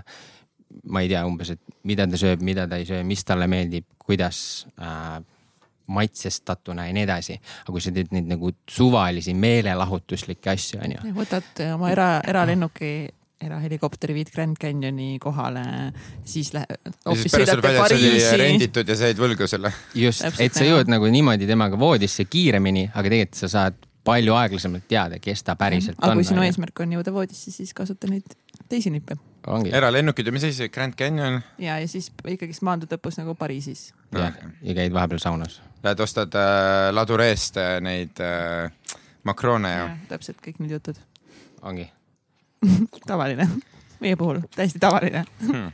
tavaline esimene date on selline. et see on, see on hea küsimus, aga pigem jah, teed võib-olla neid asju, mis sulle tegelikult endale rohkem korda lähevad, on ju. Et nagu looduses viibimine ei tähenda ka ainult jalutamist, see võib olla jooksmine, rullitamine, rattamine, ma ei tea, endurod, suusad, langevarjuhüpped, bensihüpped, lohesurf, ujumine, partide jälgimine. nii mõni veel, mõni veel. no rohkem ei ole ju. okei okay., aga, aga lõpuks mulle ikkagi tundub, et me jõuame tagasi siia, see on ikkagi see keskmes olek on ju, et kui sa iseendaga oled kontaktis on ju, siis äh,, siis sa ei taha neid asju teha, vaata siis sa, siis sul- sul, siis sul ei ole vaja näidata mingeid muid asju. just, sa tegelikult, sa tunned ju ennast hästi ja sa, sa teedki neid asju, mis, mis sulle meeldib ja sa näitad talle neid asju, mis sulle päriselt meeldivad. ja siis see kontakt või see ühendus, mis selle teise inimesega tekib, on hoopis äh, sügavam mm. -hmm. aga me jõuame ikkagi tagasi siiasamasse kohta. et äh, mis on nagu oluline no ausus on lõpuks oluline, onju, et kui mina tahan minna mingile luuleõhtule ja see on mingi rõngastatud tätoveeritud tšikk, kes on see, et pff, luule on mingi kuradi pask, onju, siis see ongi fine mitte, et see oleks mingi stereotüüpiline asi, aga lihtsalt, et nagu siis igaüks teebki seda, mis talle meeldib eraldi. Neid asju, mis neile meeldib koos ja kui neid asju on liiga palju äh,, mida nad tegelikult eraldi peaks tegema, sest võib-olla nad ei peakski nagu, nagu seda suhet nagu kuskile edasi nagu arendama, on ju, sest nad on lihtsalt Mm. liiga erinevad inimesed, aga lihtsalt see, et sa läbi mingi vaeva ja valu nagu kannatad ära selle kuradi bullshit luule, noh, mõttetu ju mm. -hmm. et ühe korra võid seda teha lihtsalt, et olla avatud inimene ja nagu aktsepteerida jah, just, et ühe korra võid ikka proovida, aga tegelikult, kui sa oled veendunud, et nagu pff, see maailm üldse nagu selles eluperioodis näiteks ka on ju, ei köida, siis ütledki, et suva. et see ausus enda ja teistega, et mida ausam sa oled enda vastu, seda ausam sul on, seda lihtsam sul on aus ka teiste vastu olla. nõus. Aga kui Vahuril on nüüd siin suur eesmärk ikkagist naine saada ja pere ja lapsed ja kõik asjad on ju. Tinde. ei, mul ei ole suur eesmärk äh, nagu äh, naist saada või midagi, mul on äh, e kellega seda peret tahad teha? ei, ma mõtlen nagu, mul on äh, selles suhtes, et need asjad, naistega. Jaa. need asjad juhtuvad siis, kui äh, nad juhtuvad, aga mul on selline, ütleme nagu selline suur eesmärk on nagu selline pere nagu loomine mm -hmm. ja selline täisväärtusliku pere loomine. Et see on see, et see, ei pea, see ei pea mingi ülikiiresti toimuma või mis iganes, see juhtub siis, kui see juhtub. et äh, aga kas, okei okay,, see juhtub siis, kui see juhtub, aga kas sa teed mingeid samme selle jaoks, et see oleks, nüüd ma olen jälle estonglish, more likely to happen, et see on tõenäolisem, et see juhtub? kas teed Kõik- mingeid samme selle jaoks? kõik asjad, mis sa paned äh, enda sisse või enda nagu mindset'i, need kõik asjad juhtuvad. kõik, mis sul toimub peas, see kõik juhtub aga. kuidas sa paned siis endale need pähe? Sa nagu, ma ei kas sa visualiseerid või on sul mingi, ei vaata, selles suhtes, et sul on, sul on kindlasti olnud elu jooksul unistusi, onju. mingisuguseid erinevaid, mingeid väiksemaid ja sul on kindlasti olnud väga palju asju, mis on täitunud. ja need ongi just, et need asjad, mida sa tegelikult soovid, onju. Need asjad nagunii juhtuvad ja sellepärast noh, mina usun nagu väga sellesse, et tuleb enda soovidega väga ettevaatlik olla, sellepärast et kõik need asjad juhtuvad, kõik. ja kaasa arvatud ka see, et kui see ei ole lihtsalt soov, aga sa näiteks äh, mõtled, oled sellises negatiivses mõttevaibis on ju, siis sa tõmbad endale ligi sellist eh, negatiivsemat asja. kui sa oled eh, positiivsemas mõtte- mõttevaibis, sa tõmbad ligi, et eh, samamoodi nagu sina tulid mu ellu, et noh, et mul on nagu mingid teatud tsüklis elus ja mu ümber ilmuvad praegu inimesed, kes eh, noh, ma mõtlengi nagu, et no, täiesti ebareaalne on ju ja et see kõik nagu juhtub. kas sa rääkisid minust praegu või? Ma vaatasin Katsile silma samal ajal. vabandust, ma ei näinud. aga ta mõtles, ta, ta vaatas mulle silma, aga ta mõtles sinu peale. et äh, need asjad juhtuvad, juhtuvad äh, põhjusega tegelikult ja see noh, mina väga usun sellesse, et see vibratsioon, mida sa saadad välja, siis see vibratsioon äh, peegeldab vastu ja see on igatepidi ja see on, mul on nii palju elus juhtunud seda. et äh, ka kaasa arvatud äh, äriliselt, et kui on olnud mingisugused äh, momendid on ju, et näiteks ühtegi klienti pole raha otsas on ju näiteks mingi nooremana ja siis ma mõtlesin hmm,, jumala äge oleks, kui tuleks mingi üliäge klient ja annaks mulle mingi ülipalju raha onju ja siis olen mingi mõelnud ka näiteks, et ah, see võiks nagu nii palju olla ja nii edasi onju. ja need on juhtunud ja need juhtuvadki kogu ja, aeg. ja aga sa pead ikkagist nagu tegutsema ka selle, selles niimoodi, sa, sa ei saa lihtsalt ju ometi istuda rätsepismes ja mõelda. ja, ja muidugi loomulikult see tegutsemise faktor on, see on üli, ülivajalik äh, asi, aga jah aga sa oled avatud sellele, et positiivsed asjad su elus juhtuvad. mul on ka olnud seda, et vaatad, et nagu näpud põhjas ja peenike pihus ja siis on see, et okei okay,, nüüd äh, mul oleks kliente vaja ja siis keegi lihtsalt helistab kas samal päeval või kirjutab, et oo, kuule, meil oleks sellist kinkekaarti vaja. ja kabum. Kinkekaardi tõmbad kohe laiaks ja siis Ongi. äh, üks hetk tuleb sul seda ülikonda tellima. Ah, okay. jah, kus, kus ma selle materjali saan? aga kuidas siis, aga kuidas saavutada seda, seda mai, õiget mindset'i, et kui näiteks eh, tunnen, et mul on elus nagu väga raske olukord ja pigem kõik on nagu pekkis ja ma ei, kust ma peaksin alustama, et leida nagu seda õiget vibratsiooni enda sees üles, et seda siis hakata väljapoole peegeldama. No sa pead lihtsalt uskuma, see ongi nagu selles mõttes keeruline koht, et sa lihtsalt ja. pead uskuma, mitte mingit muud varianti ei ole, ükski Tony Robbins sind ei aita, kui sa ise seda ei usu nagu. ma olen Erkiga nõus, et mingites hetkedes ongi see, kus kohas sa oled äh, näiteks niimoodi, et sa mõtled, no täiesti pekkis, no, no, no nüüd on nagu noh, kõik noh. ja, aga kui sa oled, vot, vot see on üks põhjus, miks ma usun äh, ebaõnnestumistesse. See, need on ülihead, ma olen nagu rämedalt fail inud elus igasuguste erinevate asjadega, ülitänulik nende asjade üle, et ma olen fail inud. seepärast, et need on need kohad, mis on mulle õpetanud äh, seda suhtumist ja seda mindset'i asja, ma tean, et kui mul on järgmine raske koht, ma tean, et ah, see on nagunii ju kurat ajutine ja ma ei pea isegi, ma ei pea isegi force ima endas nagu seda mõtet, vaid äh, see on mul kuidagi alateadlikult, et ma tean, et see on ajutine praegu, see on ajutine, et mul ei ole praegu raha või see on ajutine, et ma olen praegu õnnetu või mis iganes. et äh, ja need on äh, ja selline nagu ebaõnnestumine või, või kui asjad lähevad pekki, see on ülivajalik inimesed, kes kardavad eksida, mul on reaalselt nendest inimestest nagu kahju, sellepärast et nad ei saa areneda, nad ei saa jõuda enda unistustele lähemale. aga mis on olnud mingi, sa ütled, et sa oled päris palju elus, elus fail inud ja eba, ebaõnnestunud. mis on võib-olla üks kõige suurem ebaõnnestumine sinu elus, Vahur mm,? no ma mõtlen, äh, noh, need on, ma arvan, et need on enamjaolt on seotud äridega, et ma olen äridega väga palju igasuguseid erinevaid vigu teinud ja kaotanud ja investeerimistega. too mingi näide. no näiteks, okei okay,, äh, näiteks krüptobuum, kui oli, et äh, siis ma panin sinna sisse teatud summa siis see oli, ma arvan, mul mingi kaheksa või kümnekordne see summa Äh, kuna ma ei olnud nagu kõige õigemal hetkel veel seal sees. Ja siis, äh, kui mulle anti tegelikult nõu, on ju, et, et võta vähemalt siis see summa välja, mis sa siis sinna nagu panid, on ju, siis, siis ma olin ei, ei, ei, ei, ei. Äh, see veel kasvab ja nii edasi. ja see, see, sealt ma sain nagu hästi tugevad sellised investeerimisalased õppetunnid, et et tuleb natuke vastutustundlikumalt nagu suhtuda ennast asjadesse ja natuke rohkem neid asju uurida ja mitte nagu eeldada, et mingid asjad juhtuvad. ühesõnaga sa kaotasid siis? ja ma kaotasin äh, kõik selle raha jah. kas me räägime nagu tuhandetest, kümnetest tuhandetest, sadadest tuhandetest, miljonitest no, eurot küm? kümnetest. kümnetest tuhandetest eurodest, nii, kuidas sa tundsid ennast, kui sa olid kaotanud selle raha, nagu see hetk, too hetk? Ma tegelikult ei, ei, ei no selles suhtes, et on halb tunne ikka, et äh, see halb tunne jääb kogu aeg, onju, et aga ma ei võtnud seda tõsiselt, ma olen elu jooksul väga palju raha kaotanud erinevate otsuste tõttu.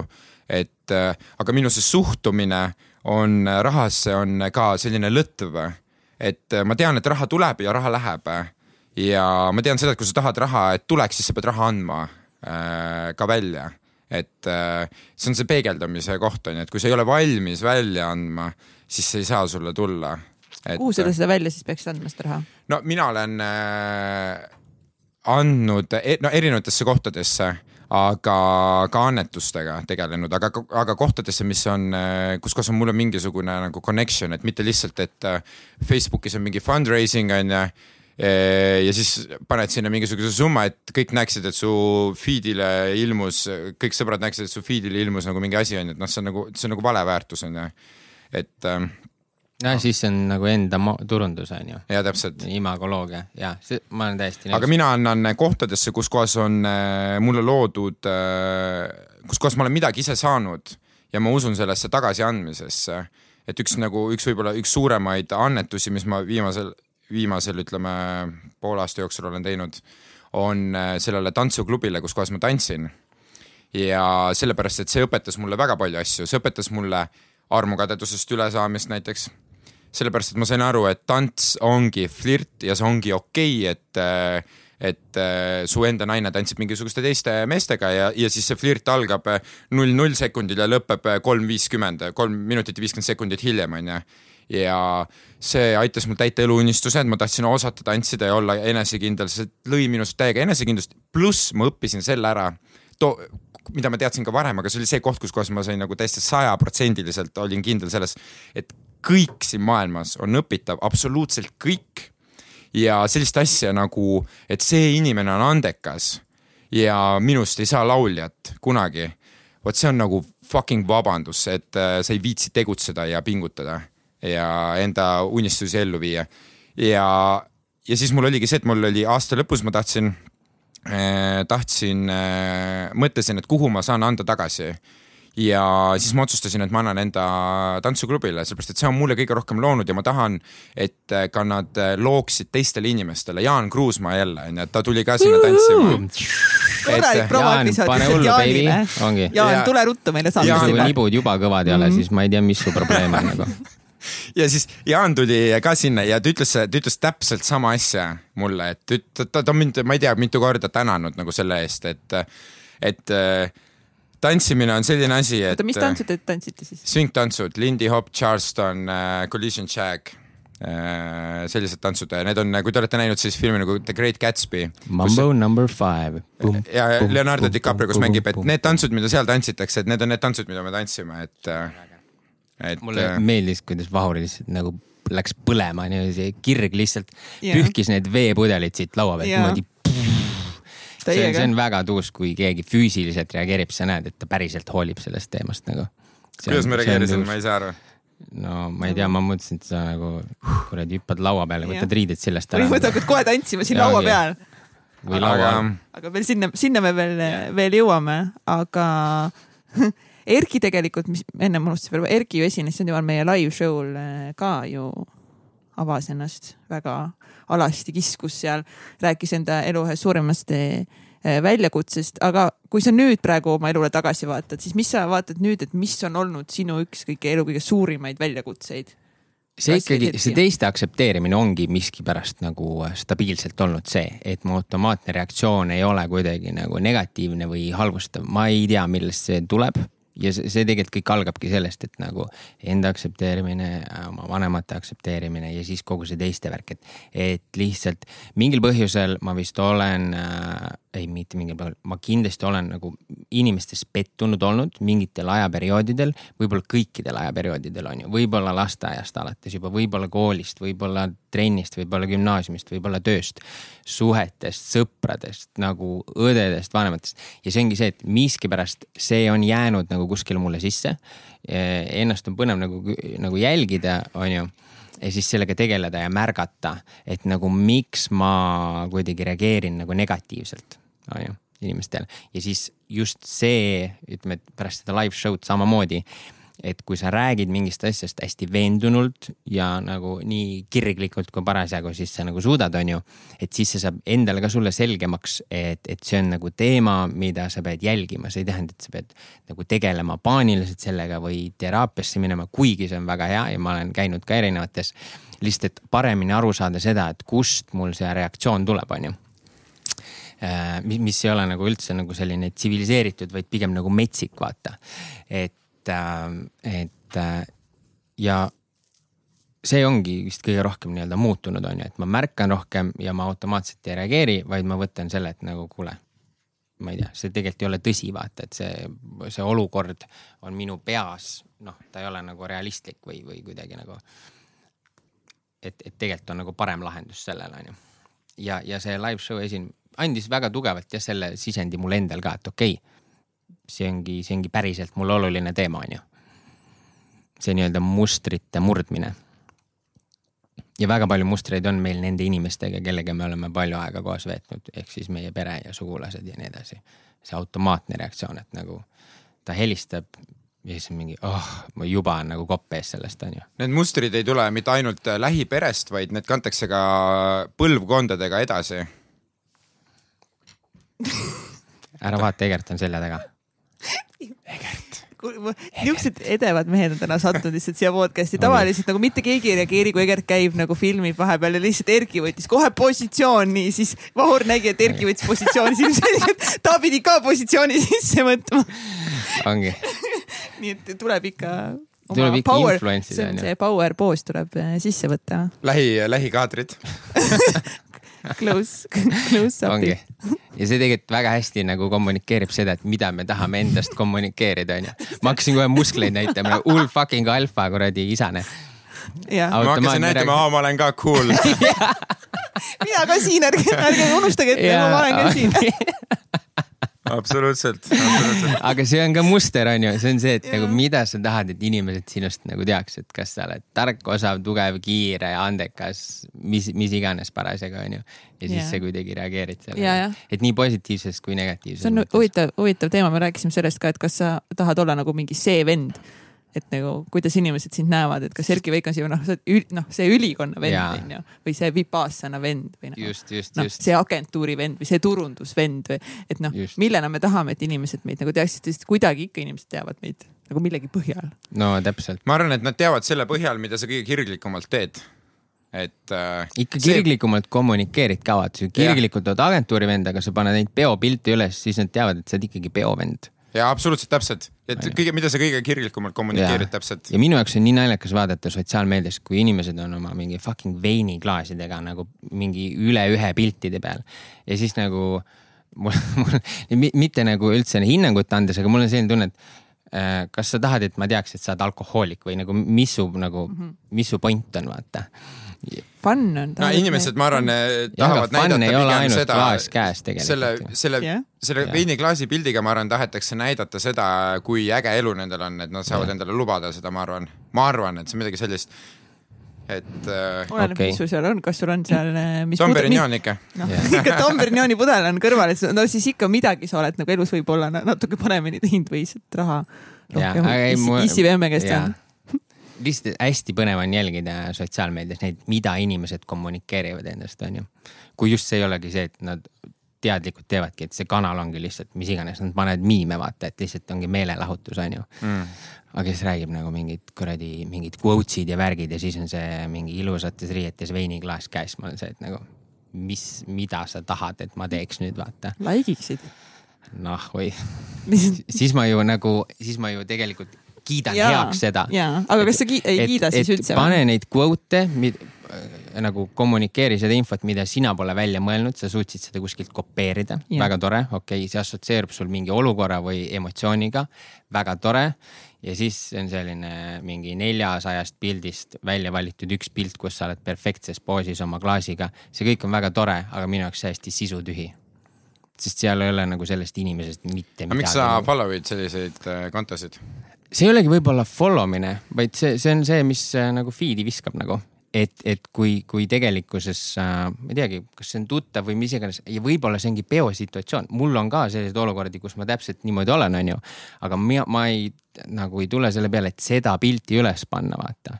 sest see ei ole minu jaoks oluline, et nagu see ei ole kehvem inimene minust, vaid lihtsalt ta kommunikeerib seda osa elust, mis minu silmis ei ole väärt nagu nii tugevat kommunikeerimist, onju ma tahaks küsida sult ühe küsimuse, et, et äh, aga see on jälle see, et siis ma jälle avastan, et ma annan mingeid hinnanguid. ja täpselt, ma sinna, seda ma tahtsingi, seda ma tahtsingi küsida, et, et oluline, kui, kui sa tead, mis on sinu jaoks oluline, onju, mhm. miks sind äh, häirib või üldse, et miks sa nagu tood näiteks teemaks selle, et, et sulle ei meeldi et keegi paneb mingisuguse sellise pildi või mis iganes. ja, ja, ja, ja varem et... ma reageerisin selle hästi tugevalt, täna ma enam ei reageeri, aga, aga ma lihtsalt endiselt nagu imestan. selle üle. nagu vahepeal tuleb lihtsalt see, et hmm, väga põnev ja tegelikult see mõnes mõttes on jälle peegeldus, on ju, see aitab nagu mul endast paremini aru saada, et mis on see, mida ma peaks siis kommunikeerima, on ju, et kas sa oledki see mm. ülikonna vend või see vend on ju, et tegelikult see, mida sa välja näitad, seda inimesed sinust näevad ilmselgelt, on ju. et eks see selle sotsiaalmeedia või sellise online äh, presence, mis see on siis selle kuvandi, kuvandi just, et selle mm, selle manageerimine on täna tegelikult osa elust, on ju, ja see mõjutab äh, tugevalt, mis inimesed su teele mm. satuvad et tegelikult see on, see on, sellel on suurem mõju, kui me tegelikult adume, sest Küll, me ei tea, kui paljud inimesed meie profiile vaatavad, on ju. me ei tea seda ja kui paljud tegelikult jätavad follow mata, sõbraks lisamata. tegelikult need inimesed, kes, kes võiksid meie elus olla ja kellele me saame ise väärtust pakkuda, kes saavad meile, aga selle nagu mingi suvalise juraga noh võib-olla see ei olnud lihtsalt õige aeg ja koht ja nii edasi ka, aga suvalise juraga sa tegelikult lõikad selle nagu potentsiaalse sideme juba eos nagu läbi, onju väga põnev, väga põnev. Vahur, kuidas sina eh, soovid või tahaksid, et inimesed sind näeksid, millise inimesena mm.? see on äh, ma, ei ole tegelikult sellest niimoodi mõelnud, et äh, ma, ma kunagi, mul oli, mul oli väga kindel nagu pilt on ju, just see kahekümnendate per, alguse periood on ju, kus kohas mul oli vaja näidata, et ma olen selline äh, ülikool vend äh,. Martin Saar hakkas korraldama neid Legendary Wednesday pidusid, need olid ainult kinnised peod on ju, siis äh, ja kõik sellised asjad on ju, see oli nagu ülioluline, vaata, siis panid nagu mingi pildi ülesse, fuck, ma olen nagu Legendary Wednesday'l on ju, te hui saate siia on ju, et äh, jah Aga- talupojad. kuradi sügage oma põlde nahhu, vahiti. ja, ja on olnud äh, periood elus, kus kohas ma olen hinnanud seda ja ma ütlen selle ausalt välja. Täna eh, on mul see, et mul ei ole, mul ei ole seda, seda vajadust, et, et keegi teaks mind ühte või teistmoodi. et mul on pigem vastupidi, ma just mõtlen sellele, kes ma ise olla tahan ja kes ma olla soovin ja üritan endaga just seda kontakti teemat nagu luua ja mitte nagu väljapoole seda elada, et ja, ja see on hästi ebatervislik minu arust ka mõelda niipidi, et et kes ma tahan, sellepärast et me, meil puudub kontroll teiste inimeste arvamuste üle, teiste inimeste mõtete üle ja kõige üle.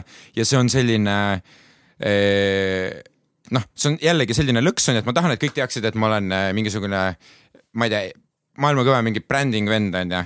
ja siis see vend arvab, et ma ei ole on ju, siis mõtled, no pljat, no on ikka idikas on ju, et, et ma olen ju, et noh, vaata, sa saad nagu sellesse lõksu nagu langeda, aga kui sa teed seda näiteks selle jaoks, et sa tahad äh, seda ise teha ja sa tahad ise paremaks saada, siis äh, need, kes märkavad, need märkavad ja need, kes arvavad, et ei ole, need, nende, nende jaoks see ei ole nagu ja see on minu jaoks väga fine, vaata täna, et mul ei ole vaja see, et ma olen, et kõik peavad nüüd nägema, ma olen nagu see vend nagu, et äh, aga ma olen olnud jah, ma olen olnud vägagi selles, sellistes kohtades, kus kohas ma olen tahtnud, et, et mind teatakse, et mind nähakse ja nii edasi.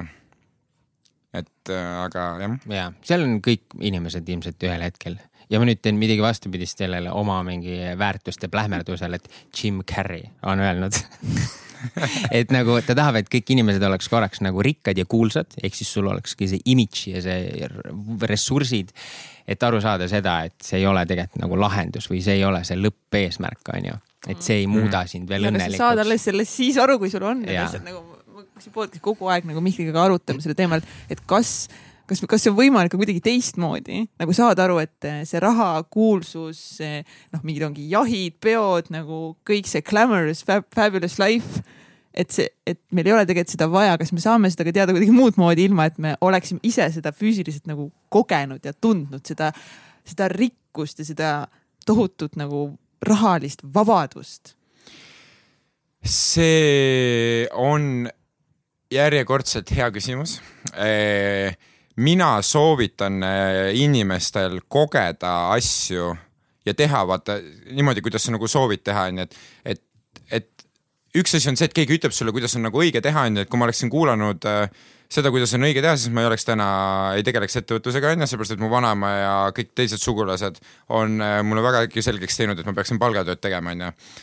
et äh, ma arvan ikkagi, et sa peaksid ikkagi tegema seda, mida sa arvad, et on õige ja sa pead ise jõudma ka nende asjadeni, et, et sa saad aru, et äh, fuck, et äh, tõmmata mingi iga kolmapäev kokaiini ei ole okei, noh. et äh, noh, et ma ei taha nagu sellist elu, onju et või siis on väga palju inimesi, kes, kellele meeldib, kes iga, iga reede tõmbavad kokaiini ja joovad Dom Perignoni ja nad on nagu fuck yeah nagu ja elavad ja nendel on hea, aga ma arvan, et see ei ole ka nagu vale, kui nendele nagu meeldib, las teevad siis noh. et küsimus on, mida sa nagu tahad saavutada. jah, aga kas ma pean suhtes- tõmbama kokaiini ja jooma Bernioni selleks, et saada aru, et, et see kokaiin ja Dom Bernion ei ole nagu päriselt elus mitte see, mis. aga see võib sinu jaoks võib-olla olla, selles suhtes, et inimestel on erinevad äh,, kuidas ma ütlen, ma, ma ei ütle, et üks on õige või teine on vale, et, et see, see küsimus kõlab nagu, et mis asi on see kõige õigem asi, et ma siis tahaks seda õigemat asja teha, aga, aga sinu õige asi on erinev minu õigest asjast on ju, et mõni inimene on hästi spirituaalne on ju, või näiteks Buda on ju, mis oli Buda jaoks õige, ei ole näiteks ma arvan Erki jaoks võib-olla täiesti sada protsenti tõde on ju täiesti vale. et äh, ja mõni, mõni inimene on, pühendab enda elu äh, näiteks, kes, mis film see oli, see Jaan Jussi film, vaata, on pühend-, pühendas terve elu nagu loodusele ja looduse Mhm. filmimisele, see on tema, tema nagu tõde. Fred Jüssi jah, see olemise ilu või? Ja, ja mida. Erki käis vaatamas kolm korda Jaa.. et et, et, seal on nagu tema tõde, kaks korda. Ma pole veel see oli nii keerulise plotiga, vabandust. et tema tõde oli seal, ettevõtluse inimeste tõde on kuskil mujal, onju, ja, ja nii edasi et see ongi ikkagist nagu igalühel oma teekond ja kasvamine läbi, mille me siis lõpuks jõuame kuskile või ei jõua ka, et äh, ja autentsus ikkagi selles mõttes, et nagu Coca ja Dom Perignoni nagu häda on see, et siis sa ei ole sina ise, onju, siis sa oled mingite ainete mõju all ja mis iganes asi see on, vein ja õlu kaasa arvatud, kõige lihtsamad onju, et nagu parim tunne ilmselt ja kõige rohkem, kõige õnnelikumaks, ma arvan, inimest teeb see aktsepteerimine sellisena, nagu ta on, onju. et kui sa oled see kõige autentsem versioon endast ja siis sa nagu, ma ei tea äh, sul on pühapäeva hommikused äh, pannkoogid nagu Anu Saagimiga onju. ja siis teil tõesti on tore ja see kõik ongi mega ilma selleta, et seal on kaamerad või äh, pildid mm -hmm. või videod ja sa ei pane seda kuskile üles, vaid see päriselt autentselt on tore, siis see ongi kõige parem kogemus ja see selles nagu ilmselt seda glamuuri nii palju ei ole, onju, sest glamuur tekib ainult sel hetkel, kui sa seda teistele näitad. täpselt. Ja siis ongi see, et jah, et oledki, sööd pannkooke koos Anuga ja jood Tommi ja sa ei pane seda ülesse. ja see on kõva nagu, ja vot see on jah, vot täpselt ja see ongi mm. see koht, kus kohas sa jood Ongi. seda sellepärast. et Anu selle üles paneks, sest see näitab seda, et sina oled veel kõvem kui Anu nagu täpselt. ja et sul ei ole vaja näidata, aga Anul ongi. on. ja tema, tema vajab nagu mina staariga ja sa oled nagu fuck yeah. vot nüüd me oleme kohas nagu, kus ma pean olema. seda sa mõtlesid või? ei, ma tegelikult ei mõelnud seda, kuigi see on äh, hästi huvitav äh, mõttekäik mm. -hmm. et pidasin tegelikult silmas seda, et, et võib-olla sulle maitsebki Tom onju ja kui sa ei pea seda nagu äh, näitama onju. ja see võib ka olla näiteks see, et, et või, et inimesed, kes ei tea onju, et mis asi on Dom Perignon onju, see on äh, šampanja, mis maksab poes siis mingi sada, mingi kakskümmend, kolmkümmend euri pudel see ja on keskpärane šampanja ikkagi. Ja baaris on siis see kuskil kolmsada viiskümmend, kolmsada, nelisada euri pudel. kui sa, kui sa jood nagu seda, selle jaoks, et see sulle see maitseb, onju, ja sul ei ole vaja seda nagu näidelda ja kui sa lähed näiteks teatud seltskonda näiteks, et oletame, ma olen mingi Tommi vend onju ja ma tulen siia, siis ma ei tule nagu Tommi pudeliga, sellepärast et ma suudan saada aru ka, saada aru olukorrast, et need inimesed ei ole, vaata. et siis ma arvan, et see on nagu õige, aga jah, nii, et sa hakkad ennast äh, promoma, näitama ja noh, siis, siis autentsus, see on see, Täpselt. mida kõik kaagutavad siin hommikuse tõstmisega, aga see on kindlasti nagu teema. et nagu ja, ja ma arvutasin välja, et umbes sada viiskümmend inimest pead läbi käima selleks, et leida endale nagu äh, kõige lähedasemate eluväärtuste ja arusaamadega inimene, ehk siis nagu potentsiaalne sõber on ju. kõik nagu gümnaasiumid, ajateenistused, töökohad, sada viiskümmend ühele on see umbes on ju mis tähendab seda, et kui erinevad me tegelikult oleme. ja, ja nagu sa võid olla hea tuttav nendest nagu viiekümnega vabalt, isegi sajaga mm. Aga, aga tegelikult kui hea tunne on see, et nagu sa oled täiesti sina ise ja sa nagu autentselt suhtled inimestega ja te, te mõlemad nagu saate jagada kõiki neid äh, Dom Perignone, pannkooke ja, ja muid värke, onju. et, et sel hetkel ma arvan, et kui inimene nagu saab selle kogemuse, kogu selle noh, see glamuur mõnes mõttes just tapab ära autentsuse, onju, siis, siis me peame kõik kuidagi sarnaselt olema, oma parimad versioonid, onju. glamuuril on levelid, erinevad äh, levelid on ju, et algavad võib-olla šampanjadega, siis on äh, helikopterid, lennukid on ju, siis nagu noh, see käib nagu levelitega ja siis yeah. jõuad nagu kuhugi edasi on ju. siis sa oled lõpuks äh,, ma ei tea, kes, glamuur on väga FOMO asi nagu, absoluutselt, ma arvan ka, et see on väga FOMO asi. väga mõttetu selles mõttes. tore on nagu korra seal käia, onju, aga tegelikult see on on, pointless. see jõuab jällegi, et nagu tore on nagu jõu-, nagu käia seal ära, vaata.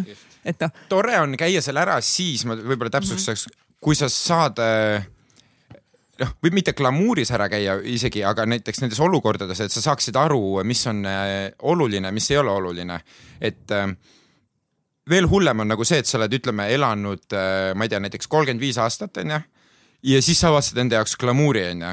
ja siis sa käid seal, oled viis aastat ja siis sa saad aru, fuck nagu, et äh, miks nagu, miks ma tulin. sellepärast on hea neid noorena katsetada igasuguseid asju ja sa jõuad iseendale lähemale, kes sa oled ja mida sa nagu soovid elust ja sa saad elada enda elu täisväärtuslikult. Et aga just, aga isegi kui sa jõuad kolmekümne viieselt sinna glamuurini ja paned viis aastat eh, hullu ja siis sa saad aru, et see ei ole sulle, on ikkagist parem see, kui sa oleksid ülejäänud viis aastat lihtsalt otsinud taga nagu midagi Tõsi, muud, vaata, et noh, aga võib-olla sa oled see inimene, kes paneb elu lõpuni glamuuriga ja see on ka fine, sest Jah. see ongi sinu autentsus. Ja see absoluutselt ei, olegi halb, sa ei tee kellelegi jah. liiga sellega, onju. sulle meeldib, sa naudid seda ja sa oled endaga Just. kontaktis ja Just. see on sinu elu. ja sa lähedki magama, paned Chanel number viit peale nagu Marilyn Monroe vist oli või? ja, ja see enne ongi magamaminekut. just, et äh, sest miks mitte nagu. muidugi no., see on väga okei okay,, et kui tegelikult inimesed, mulle meeldib see, kui, kui inimesed on nagu veidrad või näitavad oma seda külge, et nad teevadki mingeid asju, millest me tingimata aru ei saa, aga see on nende värk, vaata. noh, see on väga lahe, onju. vahet pole, kummas suunas see on, kas see on nagu kodutus või glamuursus. nagu see, mida nad välja kommunikeerivad, nad ongi sellised, nagu nad on.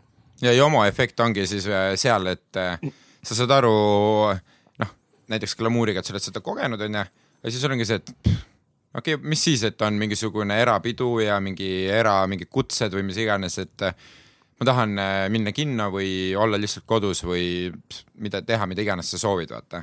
Ja see on nagu see joy ja see on äge. ja aga siis, kui sa tahad sinna peole minna, siis ei, aga ongi just see, Sa et sa, jah. et kui, kui sa tahad... väga tahad, onju, siis see on jälle noh, tore on see, kui sind ikkagi kutsutakse või sa kuidagi oled nagu sattunud sellesse olukorda. et see annab ka ikkagi nagu palju parema sellise kogu kogemuse minu meelest sellest. väga tiip. ma ei, mida? ma ei saanud aru, mis Erki ütles, aga okei okay. okei, okei, lihtne Mis näide. ma käisin Genka üllatussünnipäeval, mind äh, Maris kutsus, tema naine onju, ja ma tegin seal paari ka, aga ma olin nagu kinda külaline ka onju. et tegelikkuses võib-olla nagu mingit Eile aeg- äh,, ei mitte eile, okei, aga miks eile? ta käis eile ma lihtsalt näen kuskil. välja selline. eile oli minu sünnipäev. kalts, ma tean. ta juba tuli siia, siis ütles, et aa, ma saatsin Paurile kiisusid eile või mingi. kiisu emotikoniga palju õnne. Siis mõtlesin, et nagu mida ta nüüd minust mõtleb, aga jomo. full joon oli lihtsalt. aga ühesõnaga ja siis me tegime seal mingi tiiga pitsist viina ja see oli mega äge, sest need olid kõik minu lapsepõlve nagu äh, musikaalsed nagu kangelased seal koos, nagu kõik, keda sa suudad ette kujutada. mingid reketid ja Viied Miinused, Chalice'id ja see oli nagu mega šef. aga kui ma, kui ma mõtlesin pärast selle peale, et kui ma oleks ennast kuidagi trikitanud sinna vaata läbi selle, et nagu me teeme Genka koostööd bla,, blablabla, siis see asi oleks olnud nagu kümme korda vähem väärtuslik kui see, et tegelikult sa nagu olid õigel ajal õiges kohas ja sind kutsuti ja see ei ole selline nagu kuidas öelda, see ei olnudki glamuurile üles ehitatud see asi, vaid just nagu sõprusele, ägedale aja veetmisele, sünnipäeval nagu autentsele peole, seal ei olnud mingeid kaameraid ja, ja fotograafe, see ei olnud mingi kroonikaüritus, vaata ja see tegigi selle nagu mega ägedaks. sa ei teinudki ühtegi pilti. Kroonika vist kirjutab nüüd sellest äh, loo, võtab sinuga ühendust, kuule räägi ikka, mis seal peol oli, et täpselt. no pff, strippar Marko and shit noh.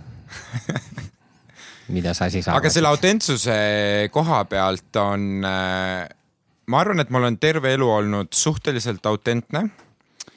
ja selline, nagu ma olen ja ma arvan, et see on hästi oluline asi, sellepärast et äh, kui sa käitud ja oled see, kes sa oled, siis inimesed tahavad sinuga suhelda.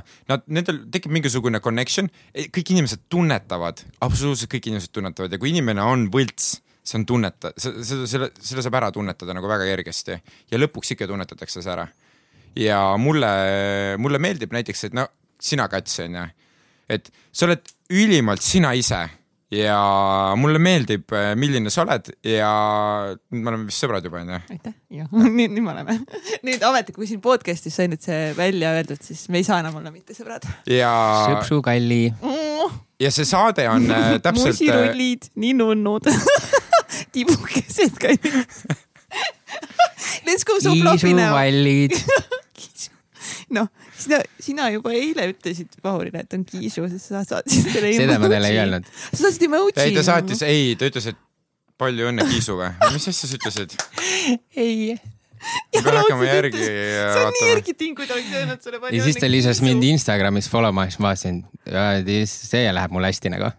töötas nii hästi. ei, ma ei hakanud sellepärast, ma tegelikult hakkasin vaatama, kes sa oled. Ja sa siis ikka, meetsid talle sügavamal tasandil inimesena. ja siis ma vaatasin, sul on account äh, private ja ma, ei saanudki, ma ei tea, kas võtsid vastu mind, ei võtnud või? veel ei võtnud. ma? tahtsin, et me nagu ikkagi saaks selle nagu päris nagu suhtlemisele ka kuskile, mitte see, et me oleme korra näinud, ma ei, ma Instas äh, selles mõttes, et mitte, et ma ei oleks pidanud seda tegema, aga ma olen seal hästi valiv, et see on nagu päris minu maailm, onju. ma ei näitagi seda avalikult, sest et sellel ei ole mingit mõtet, sellel pole mitte mingit väärtust, kui inimesed teavad nagu. ma panen siin igasugu pilte, videosid ja asju, mida ma nagu siis teen ja mõtlen ja olen, onju. et äh, ma arvan, et privaatsusel on nagu ikkagi ka suur väärtus veel, aga, aga ja kindlasti see ei ole see, et ma hoian nagu neid inimesi sellest eemal, kellega ma päriselt suhtlen, onju. aga oled lihtsalt kade, tahad teiste inimestega oma elu jagada. just. hoiad kõik endale. kõik hoiad Jah, endale. andmise rõõm, Erki, andmise jaa rõõm., anna rohkem, Erki, no rääkisime sellest mida enne rohkem just. sa võtad, seda parem sul on. aa, aga sul on ikkagist teine, on nii, Nadi räägi. mis, mis see, mul kadus see näpuots vahelt ära, me olime selles kiisudes ja värkides ja sotsiaalmeedias ja mis enne seda oli? siis, kui Vahur kiitis enne mind, ütles ma olen nii nunnu ja tore. just, Mhm. sõprus, super. jah, sõprus, jah. siis me saime sõpradeks. see saade on, me rääkisime autentsusest, et see üks põhjus, miks ma seda saadet kuulan, on ka see, on see autentsuse teema, et inimesed tulevad siia, nad räägivad nii nagu asjad on nagu nii nagu nad mõtlevad ja nii nagu need asjad nende jaoks nagu päriselt on olnud, onju. ja, või on ja see on, see on ülikõva ja ma arvan, et selle saate puhul on ka hästi oluline see, et see säiliks alati. et äh, noh, see on see põhjus, miks mina, mina seda kuulan, sellepärast et ma reaalselt tunnen, et äh, see info, mis siit tuleb, on päris info.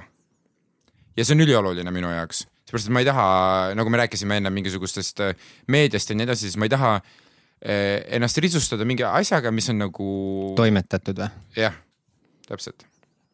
jah, nõus. meie, ma arvan, kuuekümne, see on nüüd kuuekümne seitsmes saade, kui me Startup Day saated välja jätame praegu, siis ma arvan, et me oleme välja editinud kuuekümne seitsmes saates, ma arvan, võib-olla ühe külalise palvel ainult ühe lause terve selle kahe hooaja jooksul nagu, mis on ülilahe. mis lause see oli? olgem autentsed. Pole ausalt nagu pole õrna aimugi, mis, mis lause see oli, aga ma arvan, et seda on oluline inimestele nagu öelda ka, et, et see on fine, et kui sa isegi räägid midagi välja siin saates, mida sa ei taha rääkida, et, et kui sa pärast tunned ikkagist, et sa tahad selle välja lõigata, siis me lõikame selle välja selles mõttes, et nagu noh, kui sa tõesti päriselt ütlesid midagi, mida sa ei noh, täna ei taha, et inimesed võib-olla teaksid või kuuleksid, siis see on ka fine täna seda mitte inimestele rääkida, me võime seda välja lõigata, aga, aga me ei ole seda teinud ja see on ülilahe. ja aga tegelikult ei juhtu mitte midagi, kui see ükskõik mis asi, mis sa ütled, inimesi ei koti tegelikult. No kõik jaa. kotivad iseennast. jaa, aga meil ikkagist on see kuidagi enda siis ego on ikkagist nii suur, et me ikkagist arvame, et inimesi hullult kuidagi, et inimesed arvavad meist natuke teistmoodi, kui me võib-olla näitame ennast nõrgana. mis te sellest arvate? mida? et kui ma, kui ma näitan ennast haavatava ja nõrgana, näiteks Nii. ma räägin välja, et mul on olnud raske, ma olen olnud varem selline inimene. no see ma arvan, et see on jah., mina arvan, et see on tugevus, kui sa suudad, kui sa suudad äh, näidata ja rääkida sellest, mis sa oled teinud ja korda saatnud ja nii edasi. ja ma olen teinud elus nagu päris igasuguseid asju, kus kohas ma olen mingeid asju kahetsenud, kui ma olen teinud. selles suhtes, et ma arvan, et see kahetsus mingi aja vältel on hea eh, nagu hea emotsioon, sellepärast et sa saad aru, et sa oled teinud valesti ja sa tahad muuta seda. aga see, et kui sa räägi, kui sa meenutad seda näiteks mingi kümne aasta vanust asja, sa oled tegelikult saanud kogemuse, õppetunni, et see on väga väärtuslik, et eh, kahetsus on nagu pohmell, vaata. jah, selles mõttes. korraks on, tuleb Jah. aga mida sa oled siis kahetsenud enda elus, Vahur? too mingi näide, palun. Eh, mida ma olen kahetsenud? mingil, mingil ajaperioodil. mul on, okei okay,, ma olen kahetsenud tegelikult seda, et mingil ajaperioodil, et ma ei läinud ülikooli. sellepärast, et ja, ja see põhjus, mida, miks ma kahetsesin, oli see, et mul jäi väga palju huvitavaid inimesi kohtamata, keda oleks saanud äh, ülikoolist äh,, kellega oleks nagu ülikoolist sõpradeks saanud.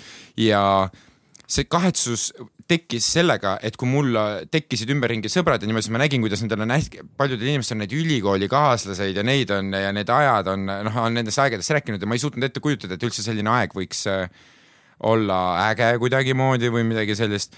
Ja noh, kuna, kuna ma olen ise õpp-, kuna ma ise olen alati ennast harinud ja õpin nagu konstantselt ja usun sellesse, et õppimine on ülivajalik, siis ma lihtsalt ei näe, näinud sellel formaadil äh, pointi, et õppida mingeid asju, mis äh, mul ei ole vajalikud või mingeid asju, mida ma ei taha õppida. et ma olen nagu teadnud, kuidas ennast äh, harida ja ma olen olnud alati kõikides nendes asjades, mida, mille kohta ma tahan teada, mis mind huvitavad, olnud suhteliselt nagu hea ja noh, harinud ennast nagu piisavalt mm. -hmm. mul on sarnane, Erasmusega ma ei käinud kuskil näiteks ja mõtlesin, et oh, mega äge oleks, sest mu hea sõber Silver, ta oli Itaalias mingi pool aastat, tripis ringi, õppis keelt, noh, täiesti teistsugune kogemus, on ju. aga eks see USA raamatumüümine natuke kompenseeris seda, et, et ei saanud seda välisõpingute nagu seda. aga mm -hmm. ülikool oli tõesti selles kontaktide mõttes on nagu super. on küll jah. mis sa oled kahetsenud veel elus, Erki? veel või? jah, peale selle, et sa Erasmusega ei läinud nagu rohkem ei olegi ja seda ma ei usu. mina täiega tervitan samamoodi neid nagu, ma ei tea, neid äh, ämbrisse astumisi, et see kõik on okei okay., nii lihtne on tegelikult teha nagu midagi äh, uuesti v. võib-olla üks asi, mis äh,, mida ma väga olen aastaid tahtnud teha, on ümbermaailmareis ja ma valisin äh, ümbermaailma reisi ja eriäri ehk siis mu ülikonna äri, ma võtsin selle äri nagu selle eest, on ju, kuigi mul oli võimalus siis, et ma olin, äh, mul oli aega ma olin koondatud, mul oli vahendeid tegelikult, et minna seda tegema, on ju. aga, aga siis ma valisin selle äri ehitamise ja see on nüüd selline asi olnud nagu kogu aeg kuklas, et tegelikult ma oleks võinud minna sellele reisile siis koguda mingeid ideid ja samamoodi selle ikkagi teha, et ma poleks mitte midagi kaotanud, on ju. aga nagu ettevõtluse kõrvalt on palju keerulisem nagu pikaks ajaks kuskile ära minna ja nüüd me jõuamegi uue teemani millest Erki jõudis, äkki me täna ei räägigi aga. ma loodan ka. aga me ikka räägime sellest, et eh, nüüd sa ikkagist oled võtnud vastu selle otsuse, et sa pühid Eesti tolmu enda jalge alt ära ja lähed Eesti ühe, ühe otsa piletiga Lõuna-Ameerikasse äh,. ja, et, et see, see, see otsus sai jah natuke aega tagasi nagu paika pandud, et, et see annab mulle nüüd äh, väga suure tõuke just äh, selles enesearengu vallas ka, et ma pean nüüd kuidagi suutma oma ettevõtte ümber struktureerida, et ma saaks seda teha, on ju. mis on, mis on äh, isegi võib-olla suurem väärtus kui see fakt, et sa selle ühe otsa piletiga sinna lähed, sest tegelikult sa võid nädala aja pärast selle teise otsa piletiga tagasi tulla, on ju. et aga lihtsalt see, et sa oled loonud selle, selle platvormi, et sa saad seda teha, on ju kõik inimesed, kellega sa suhtled ja kogu see, mis, mis sa oled ehitanud, et see on okei okay,, on ju, et see ei kuku kokku. et äh, ma olen viimased aasta aega mõelnud, kuidas ma saan ettevõtet kasvatada või kuidagi nutikamalt juhtida, see, et ma ise kõike ei tee ja ma kuidagi olen olnud nagu kinni selles justkui, et nagu ei oska seda delegeerida, usaldust ära anda. ja siis see pani nagu väga palju kiiremini aju tööle, et okei okay,, tegelikult need vastused on palju lihtsamad, on ju. ja nüüd on mul lihtsalt tähtaeg, kui ma pean seda nagu tegema mis muudab selle kõik nagu väga reaalselt.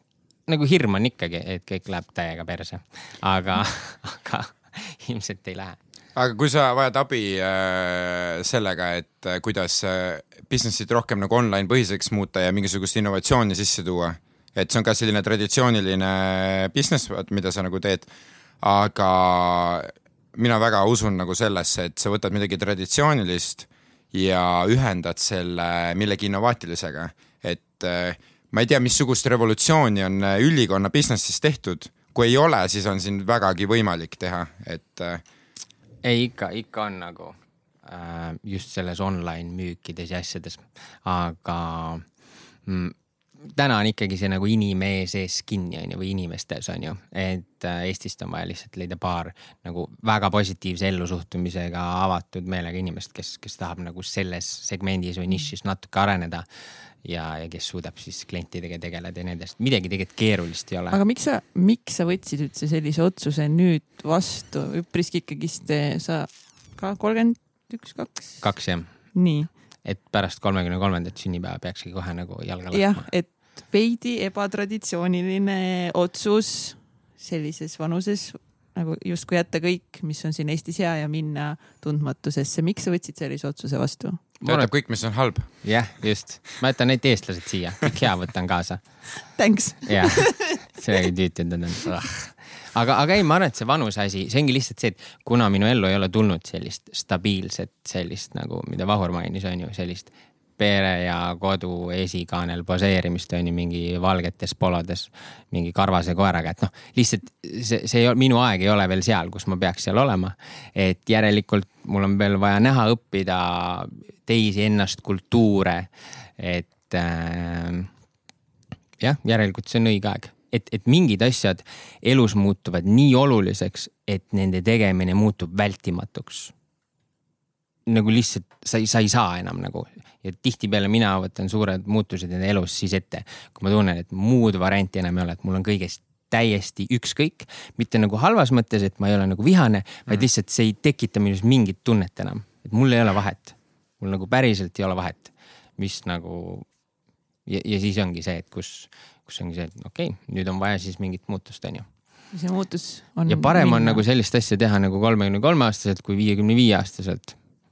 aga viiekümne viie aastaselt ka okei okay. See on ka väga okei okay,. kahekümne kahe aastaselt oleks ka väga okei okay olnud. ei, aga, aga kindel ei, selle, kakskümmend kaks oled, siis ära kindlasti mine maailma avastama. palun käi koolis ja mine tööle ongi noh, ära hakka kindlasti ettevõtjaks ega maailmaränduriks. no ei no. et äh, aga, aga tegelikult vanusel minu jaoks ei oma enam mingit tähtsust selles mõttes, et minu nagu mingi bioloogiline kell kuskil ei, ei tiksu, onju. ja ma ütlen, et, et see reis, ma ei pane endale selles nagu miinimumaega, maksimumaega, onju. et nii kaua, kuni, kuni ma ei tekita suuremat kahju endale, kui see nii-öelda nagu tõenäoline kasu, on ju, seni ma sellega jätkan lihtsalt, on ju. nii palju, kui ma suudan tee peal välja mõelda, mis, mis nagu elu toob, siis et, et seal ei ole üldse seda, et nagu ma ei tea, ma pean ümber äh, maailma purjetama kakssada viiskümmend päeva. mul üks klient just äh, tegi seda, kirjutas raamatu ka mingi üksinda, täiesti insane nagu. vot see on minu jaoks asi, mida ma vist, ma ei ole kindel, kas ma selles elus tahan ta oskab iseenda pimesoalt välja opereerida või? võib-olla tavaliselt, ei need eh, üksinda purjetajad, need, kes käivad, eh, nad saavad minu teada mingisuguse sellise koolituse, et nad peavad oskama iseenda pimesoolt eh, kuskil ookeani peal välja opereerida. Wow. see on nagu äh,. Skill to have nagu. jaa, täpselt nii mis sa ise oh,, oskan pimesoolt endal välja lõigata, aga sa. What you nagu. teadvusel ja sa pead olema teadvusel veel et teha seda uh,. aga mis, millised on mingid hirmud, mis sul kaasnevad selle päris suure otsusega, mis sa nüüd vastu võtad um,? Hirm võib-olla ongi see, et, et ma ei suuda kogu seda asja ikkagi manageerida samaaegselt on ju, et ma ei taha nagu midagi põhja lasta, vaata, et see on, see on aga samas ma ei taha ka liigselt multitask ida, on ju. et äh, ma arvan, et see on hirm sarnane natukene võib-olla, mis on vanematel, kui nende lapsed saavad täisealiseks või kolivad kodust ära, et sa pead nagu täielikult usalduse, sul kaob igasugune kontroll tegelikult, sest sa ise ei näe, mis toimub, on ju. aga see on, see on nagu põnev ka aga reisi osas küll mingit hirmu ei ole ma arvan, et see, see on nagu väga-väga vahva. et natuke teed ettevalmistust ja, ja võtad seda asja nagu nii easy'lt kui, kui võimalik, et, et äh, noh, finantseerimine on alati nagu trikikas, on ju. et, et see oleneb ka, mis kogemust sa tahad saada aga, aga nii nagu maailmas on nii erinevaid äh, rahvusriike, majanduslikke olukordi, mis iganes. pallil sa võid kümne euroga elad nagu kuningas ja ma ei tea, kuskil Šveitsis, noh kümne euro. kümne euroga elad nagu sa võid, sa võid kümne euroseid sealt maast korjata lihtsalt, et noh, need on väärtusetud, vaata sul ei ole midagi teha sellega. et, äh, et see ongi see, et ole, oledki lihtsalt avatud ja, ja näed, näed, näed nagu, mis juhtub, et. No Eesti suvi on ka tore, aga ma nüüd püüan seda vältida ja kusjuures seal hakkab talv just. nii et ma olen siin seda kuus kuud seda sooja talve ja siis ma lähen samasugusesse talve enam-vähem tagasi, võib-olla natuke soojem peaks no, olema seal. veits ikka äkki on. jah nagu parem. no mingi kraadi võrra. jah, siia-sinna, vaata paned nokad siin pähe ja ongi okei okay,, noh. vaata piltide peal ei paista kuumus välja. paned nokad siia pähe, vaatad, et oleks päikest, valgust oleks, teed pildi, papp, insta. peab sealt koolituse võtma nagu aga, aga mida see Vipassana nagu tegelikult tegi, on see, et nagu igasugused hirmud on nii maandatud, et lihtsalt minu jaoks hirm täna ongi hirm, ma ei nagu assotsieeru sellega mul ei ole selles mõttes, et nagu vahet. mis seal ikka nagu, nagu kõige hullem on see, mis juhtub, ongi alati see. no hirm on tegelikult äh, ära defineerides hästi lihtne asi, see on lihtsalt mingi ettekujutus sinu peas ja kõik mm, -hmm. mitte midagi Just. enamat. et sa lihtsalt kujutad ette, et mingi halb asi juhtub, võib juhtuda jah, ja kõik.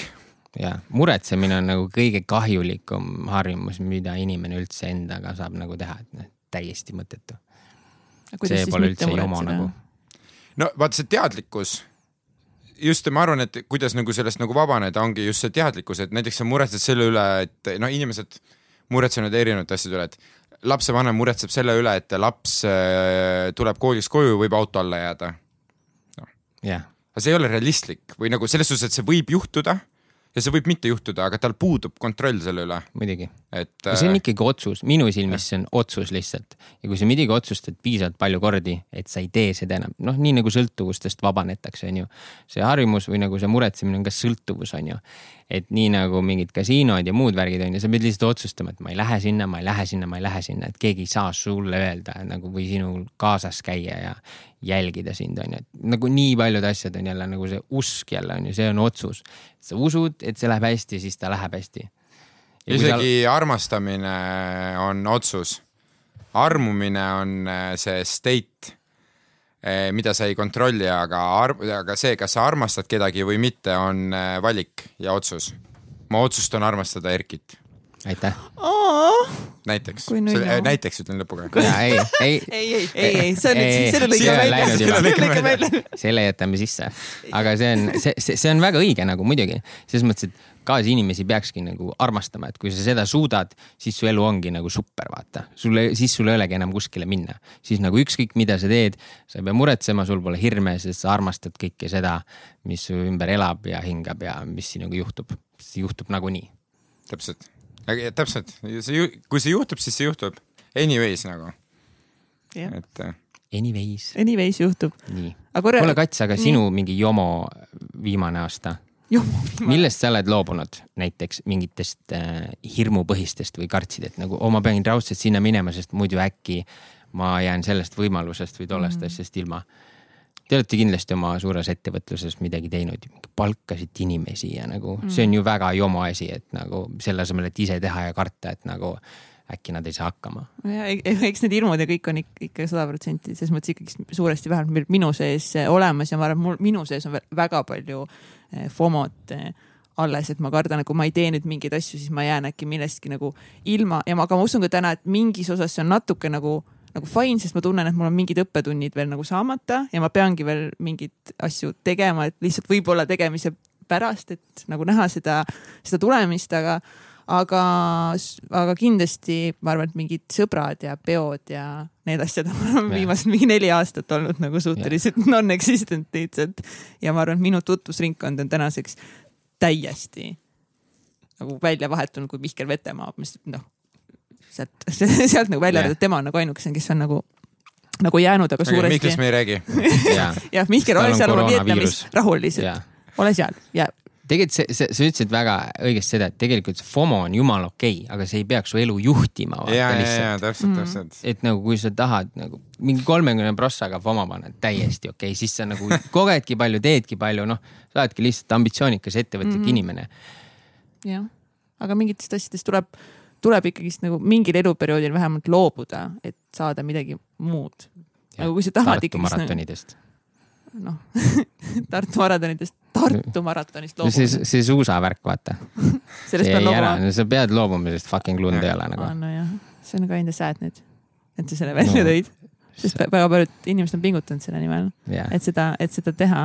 aga sa pead elus lihtsalt loobuma mingitest asjadest mingi eluperioodi vältel, kui sa tahad midagi saavutada või, või saada. väga palju, mingi meelelahutusest minu meelest nagu, kui kõik loobuvad kolmekümne protsendist meelelahutusest, mitte midagi halba ei juhtu, vaata. ja sul on rohkem aega nagu veeta endaga ja sõpradega nagu. mitte nagu kindlalt on see nagu üks parimaid otsuseid, mida mina olen viimasel ajal teinud. aga ma arvan, et lambi see, meelelahutusest nagu. see, see lõplik tõde kõikide nende asjadega, nende jomode, FOModega, enda keskmes olekuga ja nii edasi, et see on igal inimesel hästi individuaalne. ja, ja need, need balansid ja need, need väärtused ja need on, kõik on erinevad. Ja et, et kirjutada nüüd üks raamat, et mille järgi peaks nagu toimima täpselt, noh, see, see polegi võimalik, et et sa, sa saadki igalt poolt kuskilt midagi kaasa, et nagu nagu Erki sai kaasa Vipassanast midagi, et mõni teine inimene on Vipassanast saanud hoopis teisi asju kaasa.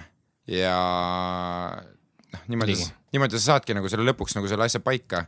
Et aga nagu paaniliselt jah, nagu otsida siis seda õiget kohta, et vaadata, ohoh, see, vot see vend tegi nii, vot, vot nii peab nüüd olema. noh, see on, see on nagu vale. ja, ja ma leian, et minu jaoks nagu suurem teekond ongi nagu see, et aktsepteerida seda just seda oma teekonda, et minu teekond võib olla selline versus see, et sinu teekond on selline ja sinu teekond on selline ja ma ei tea, Taylor Swifti teekond on teistsugune, ma vist vaatasin just seda dokumentaali Netflixi, mõtlen, et ta on kolmekümne aastaselt juba nagu eh, rohkem nagu saavutanud kui Beatlesid onju. et noh, ja siis sa mõtled nagu fuck, aga minu elu ja siis aktsepteerida seda, et minu teekond on teine, et ma arvan. saavutanud. rohkem eh, missuguste mõõdikute järgi? kõikide.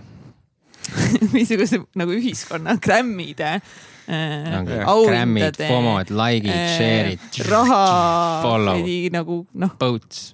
põuts, põuts, Bitches. põuts, põuts. ei, see ongi, see, see elu on nagu jumala loto, vaata, et see algus on meil kõikidel nii erinev. ja see teebki selle asja pulliks, onju.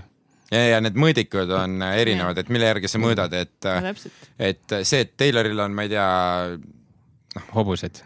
Hobused jah, täpselt on ju, et noh, mina ei mõõda nagu äh, selle järgi, et, et ma mõõdan hoopis teistsuguste asjade järgi, ma mõõdan näiteks selle järgi, missugused on mu sõbrad mu ümber ja see, see, see näitab ka seda, mida ma ise välja nagu äh, annan, onju.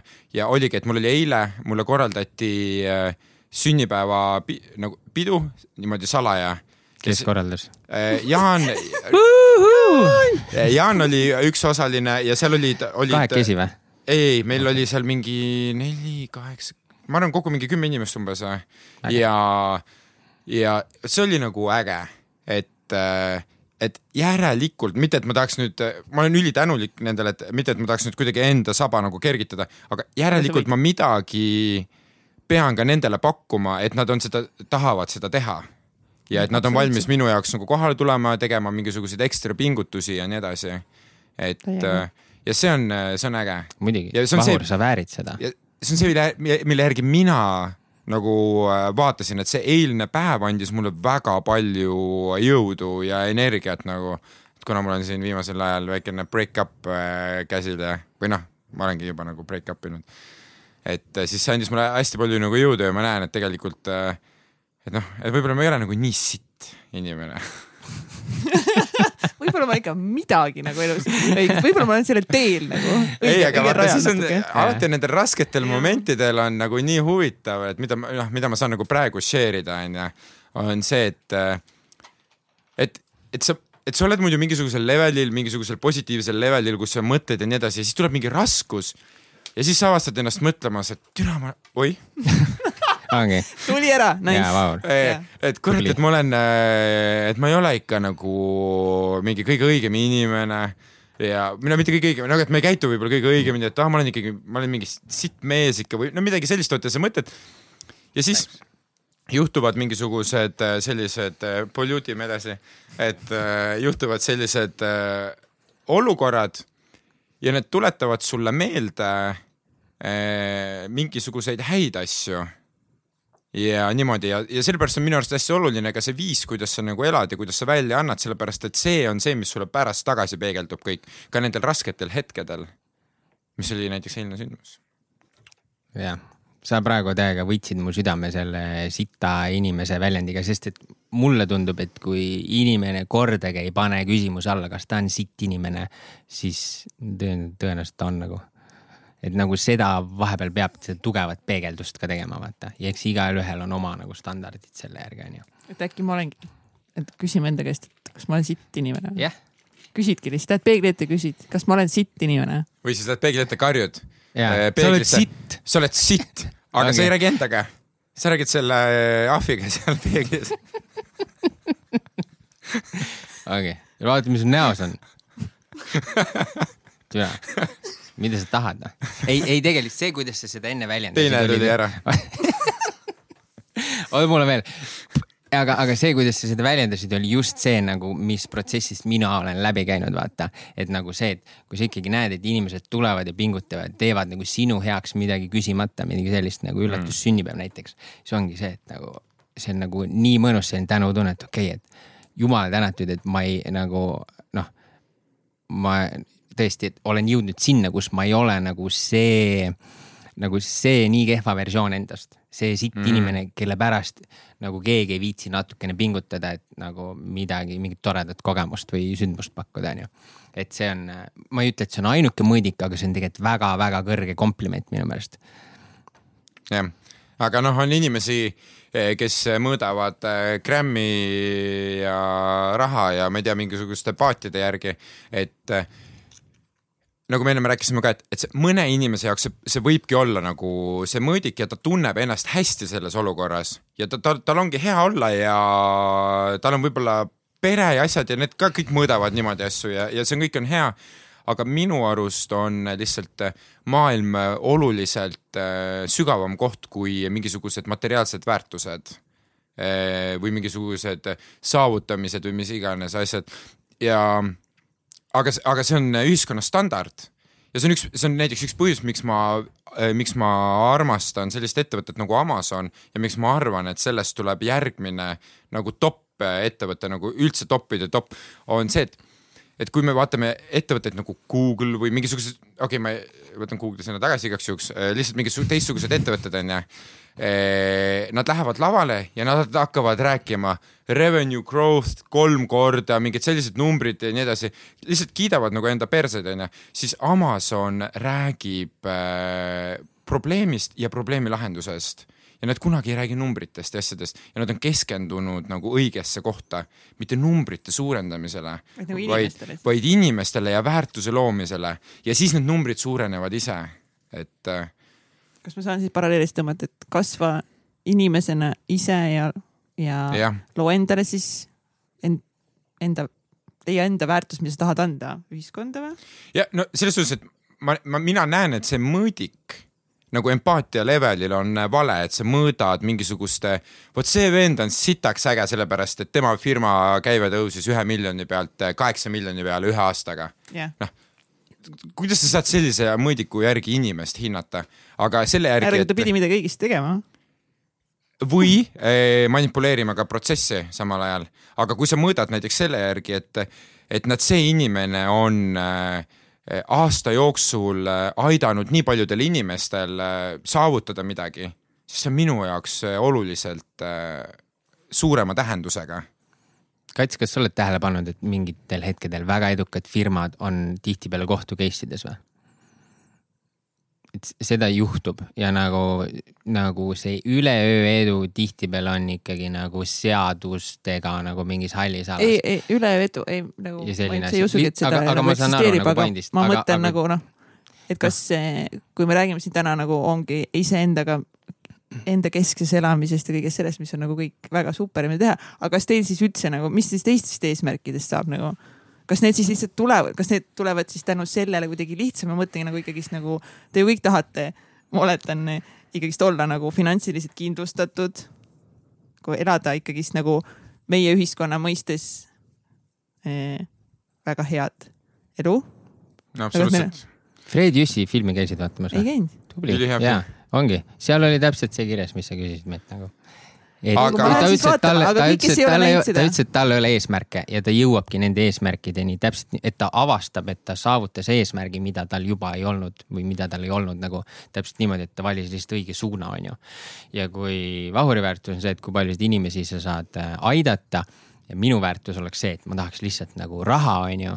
ma lihtsalt raiskan oma elu selle peale ära, et ma teenin raha nagu iga otseses mõttes. no kõige tähtsam, mul pole inimene, mul on raha, onju. selle asemel, et ma siin teiega mõnusalt vestleks, ma teeniks raha, onju. aga selle, selle juurde tule, selles suhtes, et, et mul on kindlasti eesmärgid ja ka finantsilised eesmärgid, et ma ei ütle, et neid ei peaks olema, ma arvan, et need, need peavad olema, sellepärast et lõppkokkuvõttes sa pead kandma ka hoolt äh, väga noh, noh näiteks mina onju, et näiteks pere eest onju tulevikus onju ja võib-olla ka enda vanemate eest ja nii edasi onju, et see nõuab kõik äh, meie ühiskonnas äh, äh, raha, aga äh, ma pidasin nagu silmas seda, et et see hetk, ma olen, ma olen väga palju teinud elus asju äh, raha pärast. ja eriti just nooremana, seepärast et ma ei saanud nagu asjadest aru, aga see hetk, kui sa hakkad tegema asju sellepärast, et, et sulle et meeldib mingeid asju teha ja sa tahad päriselt äh, mingisugust nagu väärtust luua, siis see hetk hakatakse mingil põhjusel seda raha sulle ise tooma. et sa ei pea enam seda kuidagi nagu välja cheat ima, et äh, sul ei ole vaja selliseid mingisuguseid häkke, et oh kuule, kuidas, kuidas edukat kohtumist läbi viia, et, et projekt kindlasti nagu tuleks, onju. vaid äh, sa oled asjaga nii enda, enda sees sa teed, mis sulle äh, väga meeldib, sa teed seda passionate ja seda märgatakse, nagu see Toivo Freeman kandi, kes teil käis saates, ta teeb enda kunsti, inimesed tahavad ise sinna minna, ta ei pea enda kunsti kuidagimoodi müüma. see müüb ise.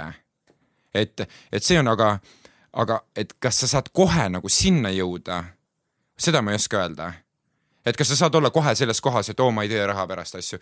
võib-olla sa pead tegema nagu ikkagi läbi, et saada aru sellest, et see on see asi, mis ei tee nagu õnnelikuks, et sa lihtsalt äh, rügad nagu sibi, sa saad seda raha, siis äh, ja siis sa mingi hetk mõtled, et äh, kurat, et mis asja nagu ma teen nagu, et noh, et okei okay,, mul on nagu raha onju, aga, aga ma ei ole õnnelik näiteks.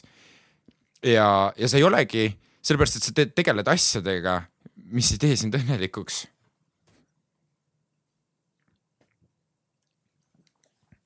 mida? jah. jep. Bam, mikk drop. kuidas sa suhestud? millega? sellega, mis Vahur rääkis. nagu me enne äh, vist natukene olime eriarvamusel, aga minu arvamus on ikkagi see, et äh, sa ei saa materiaalselt kindlustatuks tingimata või, või nagu raha ei teeni inimesed, kes teevad valesid asju et ma, ma näen seda, kus äh, andekad inimesed teevad nagu mõttetut tööd, on ju, see on mingi väga okei okay teha mingis nooremana või mingis vanuses või ajutiselt, on ju. aga kui sa nagu oma tõelise kutsumuse suunas jälle ikkagi ei lähe. et äh, mul on siin näide üks sõbranna, kes äh, hakkas ka siin spirituaalsete teemadega tegema ja mingid teraapiad, värgid ja tema mingid sõbrad ja sõbrannad olid alguses kõik sellised nagu, mis asi see on, mingi mõttetu jura, vaata. aga ta oli üle sellest ja ta enne tegi nagu seda tööd, mis justkui oli nagu tema tuttavate sugulaste pere poolt aktsepteeritud, on ju. ja see oligi väga valulik ja ebameeldiv protsess on see, et nagu öelda, et okei okay, ma pole täna nagu mingi ülikonna vend, on ju, vaid ma olengi nüüd äh,, ma ei tea, mingisugune vipassana munk, on ju. et nagu võta või jäta, on ju, aga see on oluline ühel hetkel ära tunda, et sa pead lihtsalt seda tegema, on ju. ja siis sul ka see probleem nagu laheneb see, see materiaalne, see ei tule kiiresti mm, -hmm. aga see mhm. lõpuks ikkagi laheneb. ja, ja kui Taylor Swift on kolmekümne aastaselt mingi elu mega palju asju saavutanud, siis mõnes mõttes see annab tegelikult vale signaali hästi paljudele inimestele, et sa pead olema edukas noorena, on ju millal see mingisugune Jim. Walton selle mingi Walmarti tegi, on ju, kas ta oli mingi viiekümnendates või mis iganes, et tegelikult meil on nii pikk elu ja me stressame nagu hästi noorena, sellepärast et meil täna ei ole kõike seda, mida me tahame täiesti ebaoluline, aga see on jälle otsuses kinni, et sa sisestad endale, et see ei ole oluline. ma tee, annan endast parima ja need asjad juhtuvad nii või naa, onju.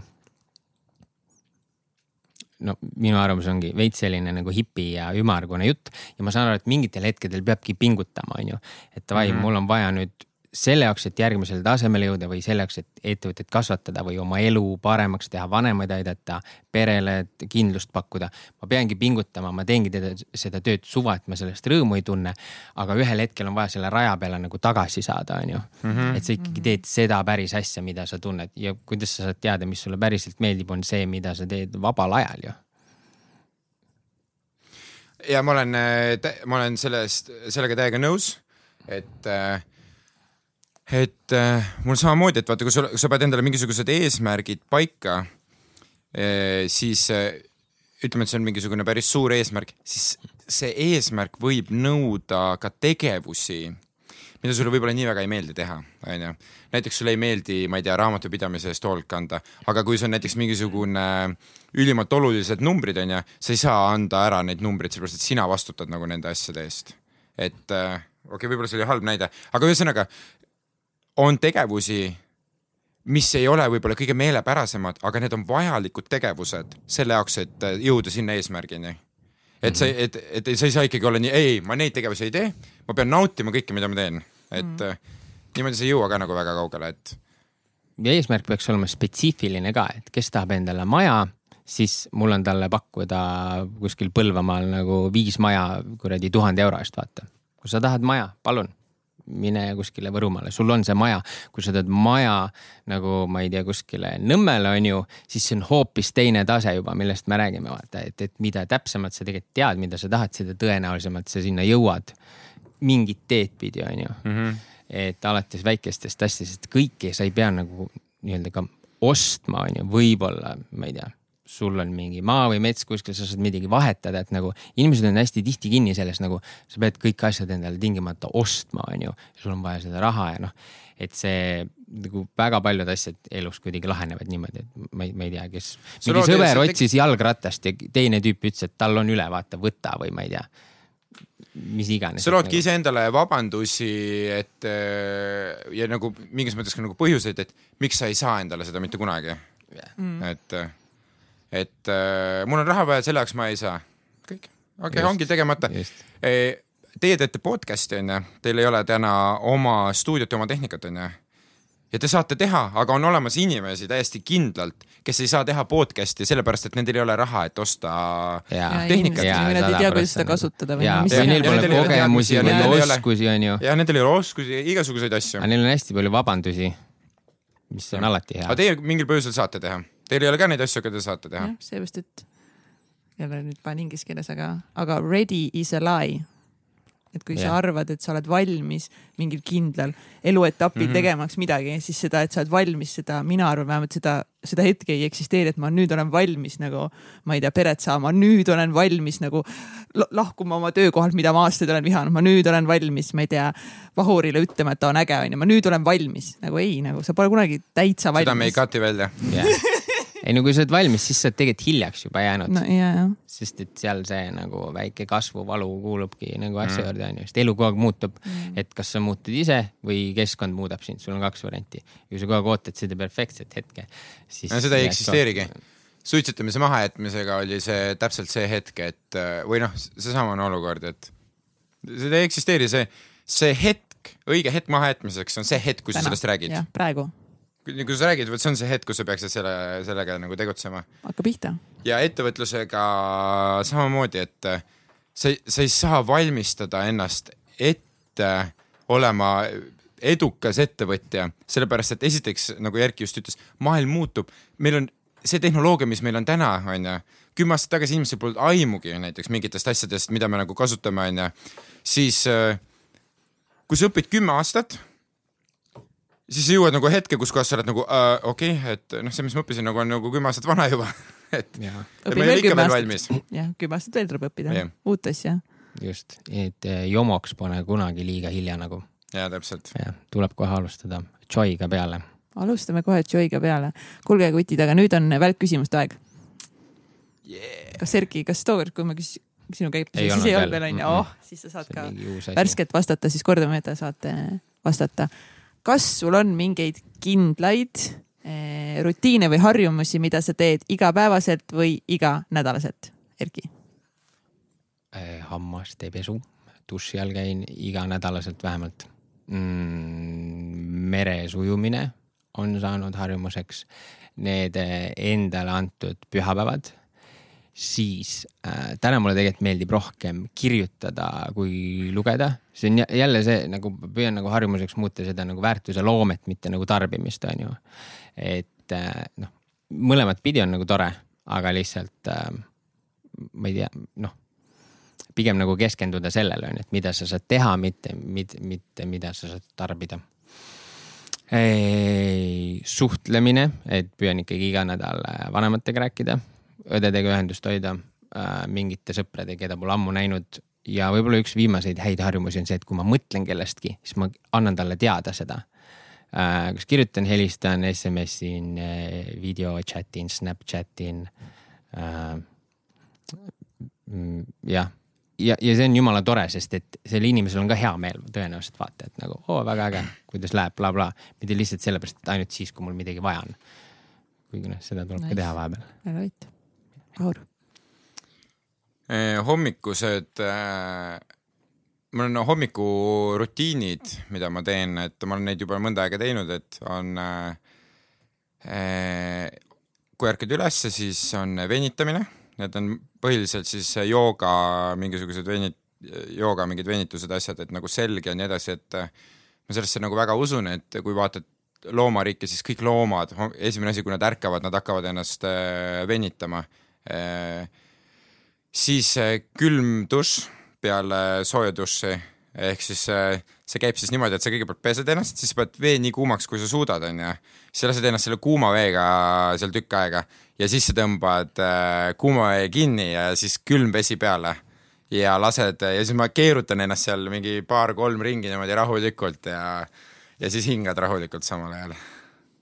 Et äh, selline, sellised harjumused ja meditatsioon, aga see on nüüd viimasel ajal nagu kõikunud, et, et teen hommikuti ja siis on mingitel hetkedel on hästi kiire, nüüd on viimasel ajal on elu, elu täiesti muutunud ja ma ärkan ja ma pean juba minema, vaata, et ma teen kiiresti mingi kümme-viisteist minutit venitusi ja siis ma nagu lähen, et, et jah. venitused, väga hea. milles sa väga hea ei ole mm,? kannatlikkuses. aga tuleb tegeleda sellega e,. ujumises ja tegelen sellega nii, mis järgmine küsimus nüüd oli? Äh, mille üle sa oma elus kõige uhkem oled hmm,? väga huvitav. Ma, ma ei tea, nagu tänulikkus, uhkus, midagi sellist äh, ma, ma arvan, et just selle üle, et äh, missugune ma olen või missuguse kogemuste kombinatsiooni ma olen nagu saanud oma mingitelt äh, lapsepõlvest, perest, koolikaaslastest, töökaaslastest nagu äh,. see on lihtsalt väga põnev nagu selline reis või, või nagu trip on ju, kus olla tegelikult ja ma arvan, et kõikidel äh,, kõik saavad seda enda pihta mõelda, et nagu oh, tegelikult elu on jumala huvitav, on ju.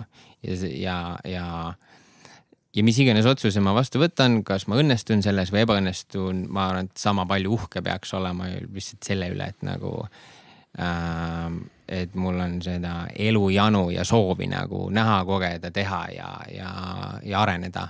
et äh, nii lihtne ongi, et see üks saavutus, mingisugunegi langevarjuhüpe või maraton või vipassana või ettevõtlus või see tee kolmas nagu seal pole nagu pikas perspektiivis on sellel nii väike tähtsus on ju, vaid pigem see, et sa valid endale selle tee.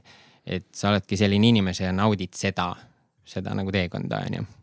et, et selle äratabamine, et nagu mis sa oled ja kes sa ei ole, et nagu ma arvan, et selle üle võib, võib küll uhke olla nagu. minu kord. Jaa, Vahur. ma olen uhke selle üle, et kuhu ma olen täna jõudnud äh, inimesena. et kui palju ma olen arenenud ja, ja uhke selle üle, et ma näen, kui palju ma saan veel äh, areneda. ja, ja ma olen, ja see ka veel, et ma, täna ma saan aru, mida ma tahan täpselt teha. just nagu tööalaselt ja niimoodi, et, et selle üle ma olen, olen ka kindlasti väga uhke mis on kõige pöörasem asi, mis sa elus teinud oled ja kas sa teeksid seda uuesti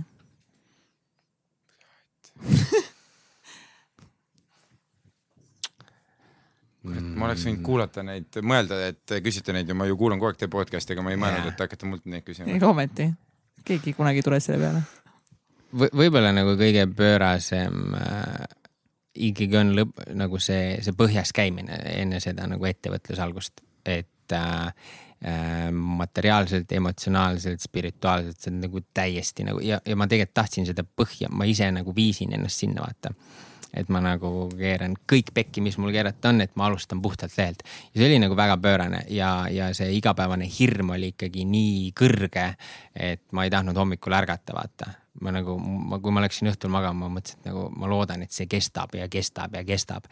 et äh, see oli selles mõttes pöörane, et selline maksimum stress ja ärevus ja hirm ja nagu see nagu täiesti tundmatus kohas vette hüppamine, aru saamata, kus on nagu maa ja taevas ja nagu, nagu täielik selline pööris.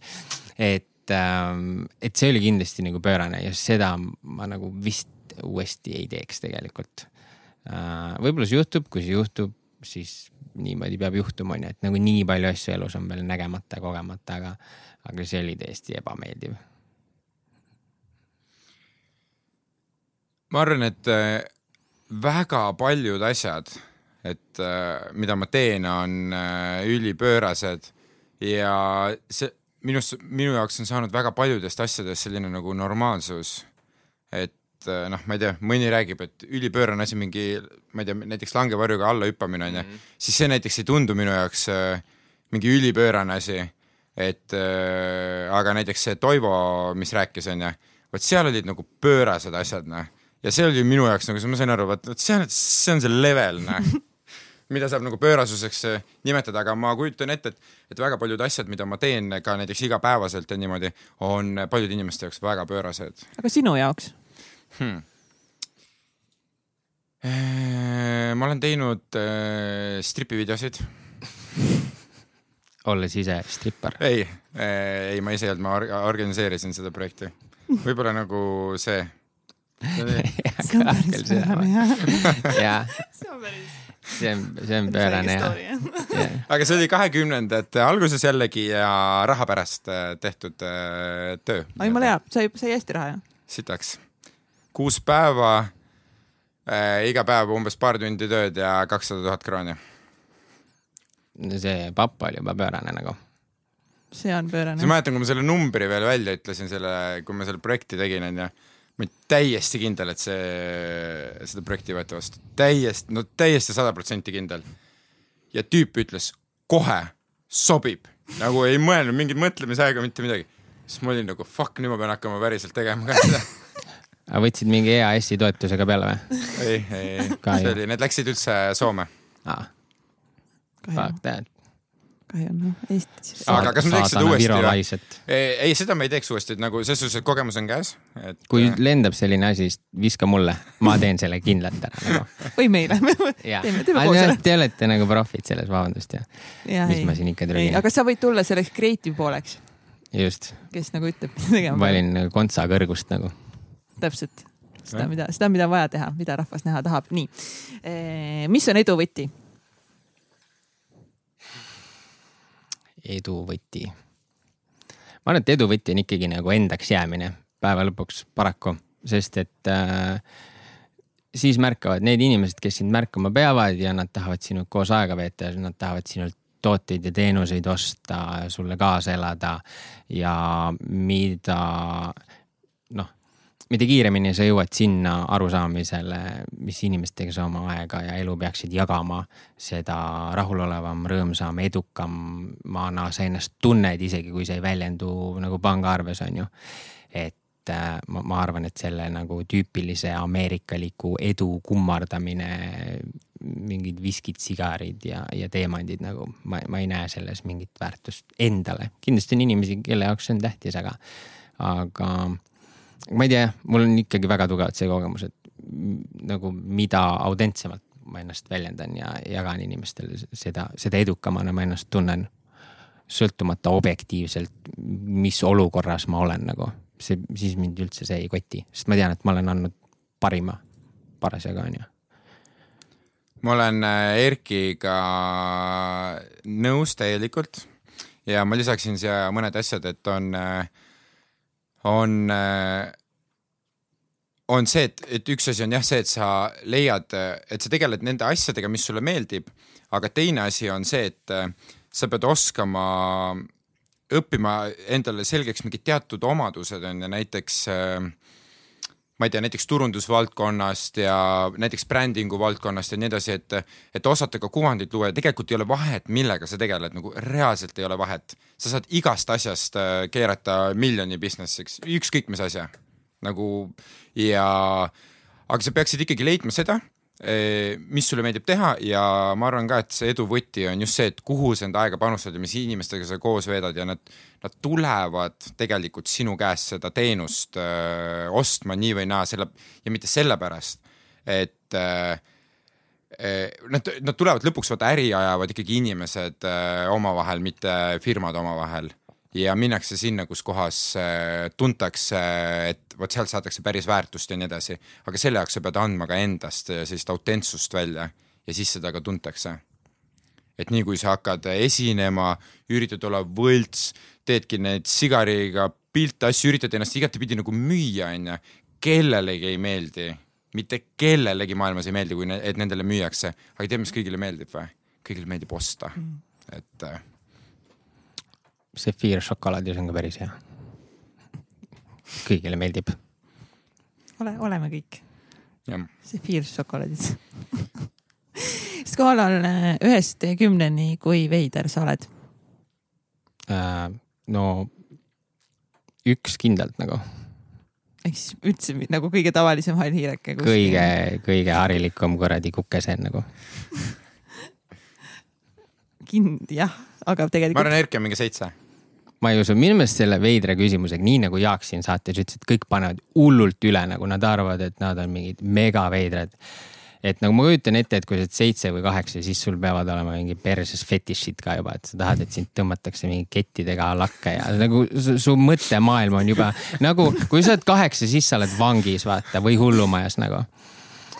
onju kui sa oled üheksa, siis tõenäoliselt sa sured homme äh, kümme on valgustumine, sa oled valgustunud. just, kümme on see, et sa kohe sured lihtsalt, sest sa oled nagu friik, vaata mingitel põhjustel, et, et ma nagu Ah, ma, see on see, et on vaata need neli hobust ja Jah. pandud niimoodi jäsemed kinni seotud ja kümme on sa, see. sa oled selles ja, Nõõ! ja sa oled selles olukorras tõesti, kus, kus sa lähed kohe neljaks, sest sa oled kümme, vaata. sest sa oled nagu nii haigeid asju teinud, et sa oled selles olukorras, onju et nagu see seitse-kaheksa, ma jääks sealt nagu kõvasti kaugemale, et ma tean, et inimestele meeldib ennast hästi erilisena ette kujutada, aga me ei ole nii erilised, me oleme lihtsalt natuke erinevad. et ma pakun, et nagu neli-viis maks, et äh, nagu, nagu kuhu, kuhu, kui mina oleks nagu kaheksa või üheksa, kuhu me siis Tommy Cashi paneme näiteks või nagu noh, see, mida ta kommunikeerib, ma ütlengi, et ei ole mõtet. aga sul on enda skaala, millele sa mõõdad. Ja, täpselt, ma, ma ei ütlegi, et nagu mis on tõde, tõse tõ,. aga mõõdame, mõõdame sellel skaalal, mis on äh, Täitsa Pekkis podcast äh, pannud. ja me teame, mis on kümme.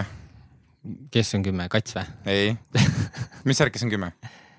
oota, Teie saates, kes on olnud äh, kümme, level kümme sinu arust? uh. See on nüüd küll hea küsimus, kes on minu arvates kõige jah, sa tahad jälle Toivot öelda või? ei, ma küsin Katsi arvamust okei okay.. ma arvan selle ma arvan ikka Marju Karin. Marju Karin on äh, sinu arust kümme. siis äh, nii palju, kui sa meid tunned, mis sa, mis sa meile annaksid? ongi. kui sa nüüd, sul on nüüd mõõ- mõõdik olemas, onju, anna nüüd see, mida ma tegema pean? Erki äh, katsus just enda nibusid, et et te kõik teadsite, teaksite ja mitte, mitte ta ainult ei katsu, vaid ta tegi sinna juurde ka veel kindlat nägu. Ja jõuliselt. jõuliselt keelega. Aga ma arvan, et ma paneks endale ka midagi sinna kanti, mis Erki pani. et mingi neli-viis. ja kes on anname, kümme siis? ja anname Marjule anname oleme kümme, realistlikud ikkagi nagu. jah. Marjule anname kümme ja Toivole anname ka kümme. kindlasti jah. issand, ma pean mõtlema, kes meil siin kindlasti on veel siukseid Jah. kellele, kellele mina oleks kindlasti. Toivol ei ole. pangaarvet näiteks, see on üsna veider. aa, tal ei ole või? mida? sellest Jaa. me ei rääkinud, seda me ei tea. No tore. see on info, mida ta ei lubanud avaldada, aga oota, see on nagu kindel info või? ja, ja, ja ta, ta, ta ei suhestu väga mitmete asjadega, tal lihtsalt ei ole nagu.. see on äh,, et no vot vot, see on on tase okei, nagu. okei, võta ta, noh, Toivo kümme, see on, see võidab. sa pead tegema midagi päriselt veidrat, kui sa elad nagu normaalne inimene, sa sööd normaalseid asju, sa magad voodis, sa elad katuse all, sa ei saa olla fucking kaheksa nagu. see ei ole mm. loogiline noh. seda küll. Me oleme mingi pehme karva sees siin kõik ja mingi soe vesi and shit nagu jah noh, see ei meigi mingit sensi okei, aga see on ainult minu arvamus. jah, okei, sellel skaalal nagu tõesti nagu noh, mitte keegi ei küündi tegelikult sinna kümne lähedalegi, muidugi. mitte. see on jumala hea skaala, ma arvan. nüüd vähemalt on meil mingid mõõdikud paigas. keegi Jah. pidi seda tegema. lihtsalt Toivo on kümme ja ülejäänud on mingi kuuekümne neli. seitsmes osa. Vahur ja Erki äh, seadsid. panid siin, aga vii-, üks ja nüüd lihtsalt Erki tantsib, no lihtsalt, et te teaksite. meil on videopilti vaja juurde, nii palun minge patreon.com kaldkriips täitsa pekkis ja visake rulli meile, et me saaksime osta endale kaamerad, please, onju. nii, siis näeksite praegu Erkit, kuidas kui saaks palju teil seda rulli vaja on muidu? on need avalikud need numbrid või? ei, me ei ole otseselt avalikuks pannud neid. aga aga te, meil juba piisab nagu ütleme mingist, ma ei tea, selles mõttes, et mikrid juba saaksid mingi viissada eurot, noh sealt edasi. ma mõtlen, te teate, mis, kui suurt summat, selles suhtes, et see on hästi Jaa, hea, ma arvan, kui see summa välja öelda davai. et äh, siis äh, inimesed ka teavad, et näiteks, et kui sada inimest panevad kümme eurot onju, et siis Jah. on juba olemas mingisugused asjad ja no, no kui me kokku saame juba tuhat eurot, siis me oleme juba nagu väga, saame juba väga palju asju endale soetada ja me saame siit kindlasti minema ma minna. lähen äh, peale Väga seda saadet äh, sinna Patreon, mis asi? Patreon.com kaldkriips Taitsa pekkis. okei okay,, ma lähen peale saadet sinna ja annan enda panuse. aitäh uh.. Erki ei saa nüüd ilmselgelt halvem olla, aga tema peab sinna mina ei anna midagi. ei, see on fine, kuigi ei taha, kõik on fine. me oleme ülisugused tolerantsed, siin kõik on fine, vaata, sa võid anda, aga sa ei pea. jumala eest, et me kellegi Ongi. tundeid ei riivaks, vaata jumala eest, aga nagu kui sul on võimalus, siis nagu sa kuulad Fuck meid nagu,. mine nagu anna nagu. mingi kaks anna pappi mine anna nahku. kaks toltsi meile, no mis see on siis nagu, no tegelikult olgem ausad. ei, see on, see on jumala, jumala tugev nagu see point, et see ma arvan, et inimene, see põhjus, miks mina lähen sinna andma, on see, et ma olen saanud siit saatest. ja see on see põhjus, miks ma lähen andma, et lihtsalt nagu küsimuse peale, kui sa mult küsiksid, et anna, siis ma ei annaks ei. muidugi.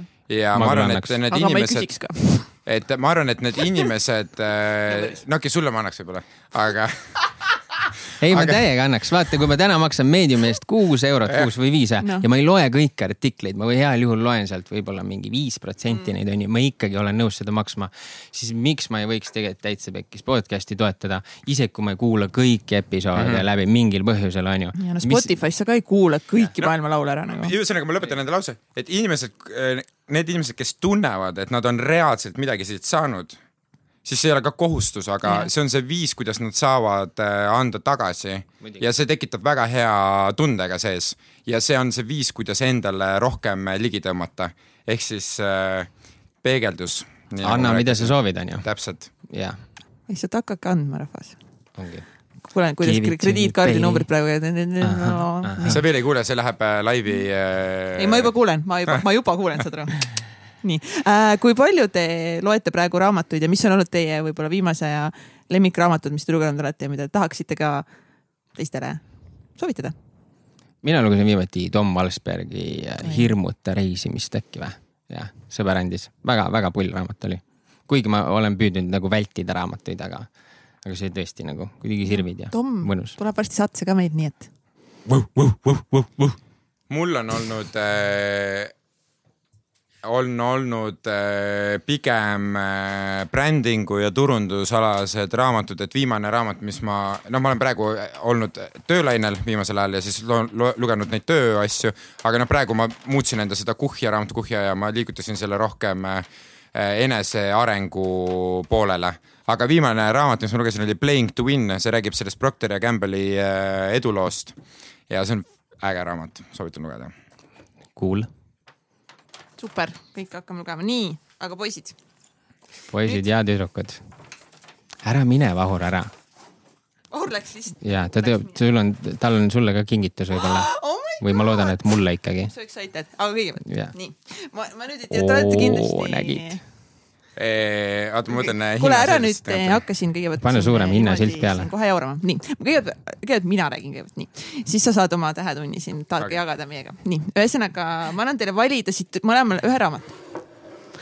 kuna te olete tõenäoliselt mõlemad palju lugenud, siis ma lihtsalt panen nagu mitmeid raamatuid siia, äkki te leiate endale midagi toredat, nii Million Mindseti poolt siis esimene raamat valikus viisteist hindamatut kasvuseadust, järgi neid ja saavuta oma potentsiaal jääb ära. järgmine, John Gray, teadlik mees, praktiline teejuht kaheteistkümne nüüdisaegse meheliku omaduse arendamiseks. palun, selline valik. see mul on. on? see, oli seal äh, täi-, live show'lt live show'lt sai. oi, see on üks raamat, mis mulle pakub äh, huvi, ma panen selle siia vasakule poolele. ilus kujundus on ju. järeleandmatu, heast suurepäraseks ja sealt edasi peatamatuks. järgmine raamat. USA autorite kaaned on kõik nii sitad, et ma ei suuda seda uskuda lihtsalt. okei, nii uh,. Randy Cage, kuidas saada nutikaks, terveks ja rikkaks? aga ma juba olen ju. no aga sa juba oled ja. müü ise või müüakse sulle? ühesõnaga, valige siit. Või leia oma Miks aa, Simon see on see Grant Cardone raamat. jaa, ma temaga väga hästi ei äh, connect'i, aga see Find Your Why on Ja, äh, Simon- ülim raamat, Simon. Sinek lihtsalt ma ei suuda, ta on lihtsalt mul nii lemmik, et. Nii sitt. aga mina kujundus või? võtan äh, sellise Uskumatu. raamatu endale nagu teadlik äh, mees raamat. John Gray äh, Arjuna Ardak. ma võtan selle. teadlik mees, väga hea. Erki lihtsalt peab valima siit, kuna ta niikuinii raamatut väga ei loe, tegelikult sa ei pea ma võtma ei seda jah.. kus tunned, tegelikult et sa ei ma ei taha?, ma ei ole vist seda Cardone'i lugenud. kas see on see, see ei ole see 10X on ju? on küll. jah, see on see Ten X-Sky, okei okay., aga äh, nojah, ühesõnaga. ära ära hakka mõjutama, ära hakka siin mõjutama. ongi. ma teen hästi kiire ja hästi efektiivse otsuse. kurat, need on nii koledad kõik, ma ei suuda. vaata, kus on kõige rohkem pilte sees. vali selle järgi ja no kõige hullem on see, et siin pole ühtegi pilti nagu. järeleandmatu. Wankeriga. Vankeriga siin on eh, näe, legendaarne treener Tim Crower on rohkem kui, kui kahekümne aasta jooksul töötanud selliste superstaaridega nagu Michael Jordan, Kobe Bryant, Dwayne. Wade ja paljud teised. nii, ta teab spordi vaimset, vaimsest poolest kõike, oskab seda suurepäraselt füüsilise arendamisega ühendada, näed. Davai, ma võtan siis kõige koledama. järeleandmatu, ja järeleandmatu. mul on äh, teile ka pisikene kingitus, kaks raamatut. on mul nii lemmik, kui inimesed toovad meile ka kingitusi. ja siin on, selle raamatu nimi on Factfulness uh,. ja see rää- räägib äh, sellest, et see on, ma ei ole, mul on see raamat endal nüüd, mul on see kodus olemas, see on mul ka listis, ma pole seda veel lugenud. aga, toid meile midagi, mida sa pole ise lugenudki, nii põnev jaa, aga ma, aga see on üks raamat, mida mulle on väga soovitatud väga paljude sõprade poolt ja eh, see räägib sellest, siin on vaata Bill Gates ka kirjutanud ja Barack Obama, et eh, see räägib sellest, et maailm ei ole tegelikult perses, et maailmal läheb paremini kui kunagi varem. Ja see on Rootsi teadlaste poolt äh, nagu ära põhjendatud, aga see, mis Mulle meile meedia Appi räägib, on hoopis teine. ja, ja, ja kusjuures ma olen äh, mingit äh, kokkuvõtet põnev, lugenud aitäh. sellest. Ja see on, see on tõesti nagu, nagu äh, nii-öelda peavoolumeedia nagu vastand, vaata, mis tõestab sulle statistiliselt, et kõik läheb tegelikult paremini, kui meile tundub, onju. ja need sõjad ja konfliktid ja viirused, see kõik on nagu nali selle kõrval, mis varem oli, onju. täpselt, et maailm on tegelikult äh, oluliselt paremas kohas, kus ta on kunagi varem olnud. nii et nunnu. Erki tõi meile nostalgilised jõulunööbid. Wow. ma terve aeg vaatasin, et Sorry, ja ma unustasin need avada, andke mulle andeks ma. tahan täiega neid süüa nagu. sööme nüüd lõpus need. Need on need kommid, mis sul jäid jõuludest üle ja nüüd vaatasid, et ei, need, ei, need olid, need olid poes soodukaga. tegelikult ei olnud, aga need olid ainukesed, mis tundusid piisavalt nagu ebatraditsioonilised asjad, mida kui sa paneksid neid, neid komme peaksid hindama skaalal veidrusel ühest kümneni, siis mis sa paneksid, Erki? Ma peaks üks, ma olen selleks suhkurt. jaa. Pole hullu, vahepeal võib ka ühe, ühe suhkrunööbi ära süüa Mm -hmm. ja midagi ei juhtu sinuga. kui sa ülejäänud aja oled pigem tervislik kui sa inimene. ülejäänud aju treenid, ülejäänud aja treenid Ironmaniks. jah, täpselt, on ja Mahul, absoluutselt. aga Mahul ei võta ikka. mul ei, mul ei ole magus maitsenud mitte kunagi. päriselt või? Mul on mingid perioodid, kus kohas okay, ma lähen ostan mingi veider. kaks, kaks mingisugust Ta on ikka pountit ja söön need ära ja siis ma on ei söö jälle üheksa. aasta aega ikka okay.. üheksa. veidruse see tõusis lihtsalt. veider, mis sa järgmisena ütled, et sa ei söö ananassi pitsa peal? ei söö jah, aga, aga selle, selle magusaga oli niimoodi, et, et kui ma olin, mul on vend, kes on aasta noorem ja siis meile toodi kogu aeg magusat ja meil oli mõlemal oma mingid sahtlid ja mul oli sahtel triiki täis onju. ja ma ei söönud kunagi magusat ja mind üritati kogu aeg ära osta kommidega, jäätistega, ma ei söönud nagu piima ka, mulle ei maitsenud piim. Ja siis mind kunagi ei olnud võimalik nagu manipuleerida nende asjadega, millega üritati manipuleerida. Ja ma märk-, see on tegelikult päris äge olnud selles suhtes, et mina olen võtnud äh, mani-, nagu selle mitte manipulatiivse rolli, aga ma olen kasutanud seda olukorda enda jaoks, kuna mind ei ole, kuna ma tegelikult ei taha seda kommi, siis ma olen saanud enda kasuks pöörata neid olukordi. vot, kus kohas mm -hmm. ma olen näiteks jäätise saanud ära kaubelda millegi muu vastu enda kaasmaalastega, nagu vennaga näiteks või mingite sõpradega. kaasmaalastega. kaasmaalastega, kodanikega. Kodanikega. kodanikega, olgu kutid, mega suured tänud selle aja eest ja ma olen nii õnnelik, et mul oli täna võimalus istuda teiega siin mitu tundi ja rääkida seda vestlust. sest nagu see jääb ajalukku lihtsalt ja ma olen nii tänulik päriselt selle eest, et te võtsite selle aja. mis sa siit kaasa said, Katrin? mis ma siit kaasa, teid mõlemaid. nagu lihtsalt teid. mul ei ole meie oleme ka väga rõõmsad. Ergis pakib, pakib juba asju. ta saaks minema ma pean siit. WC-sse minema. et aitäh, et te tulite. Täiega tore oli.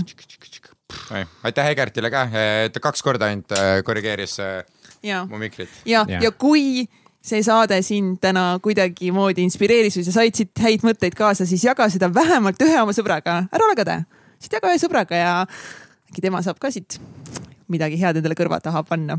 nii et aitäh ja tšau. nüüd tuleb see heli. Super Mario heli paneme seekord.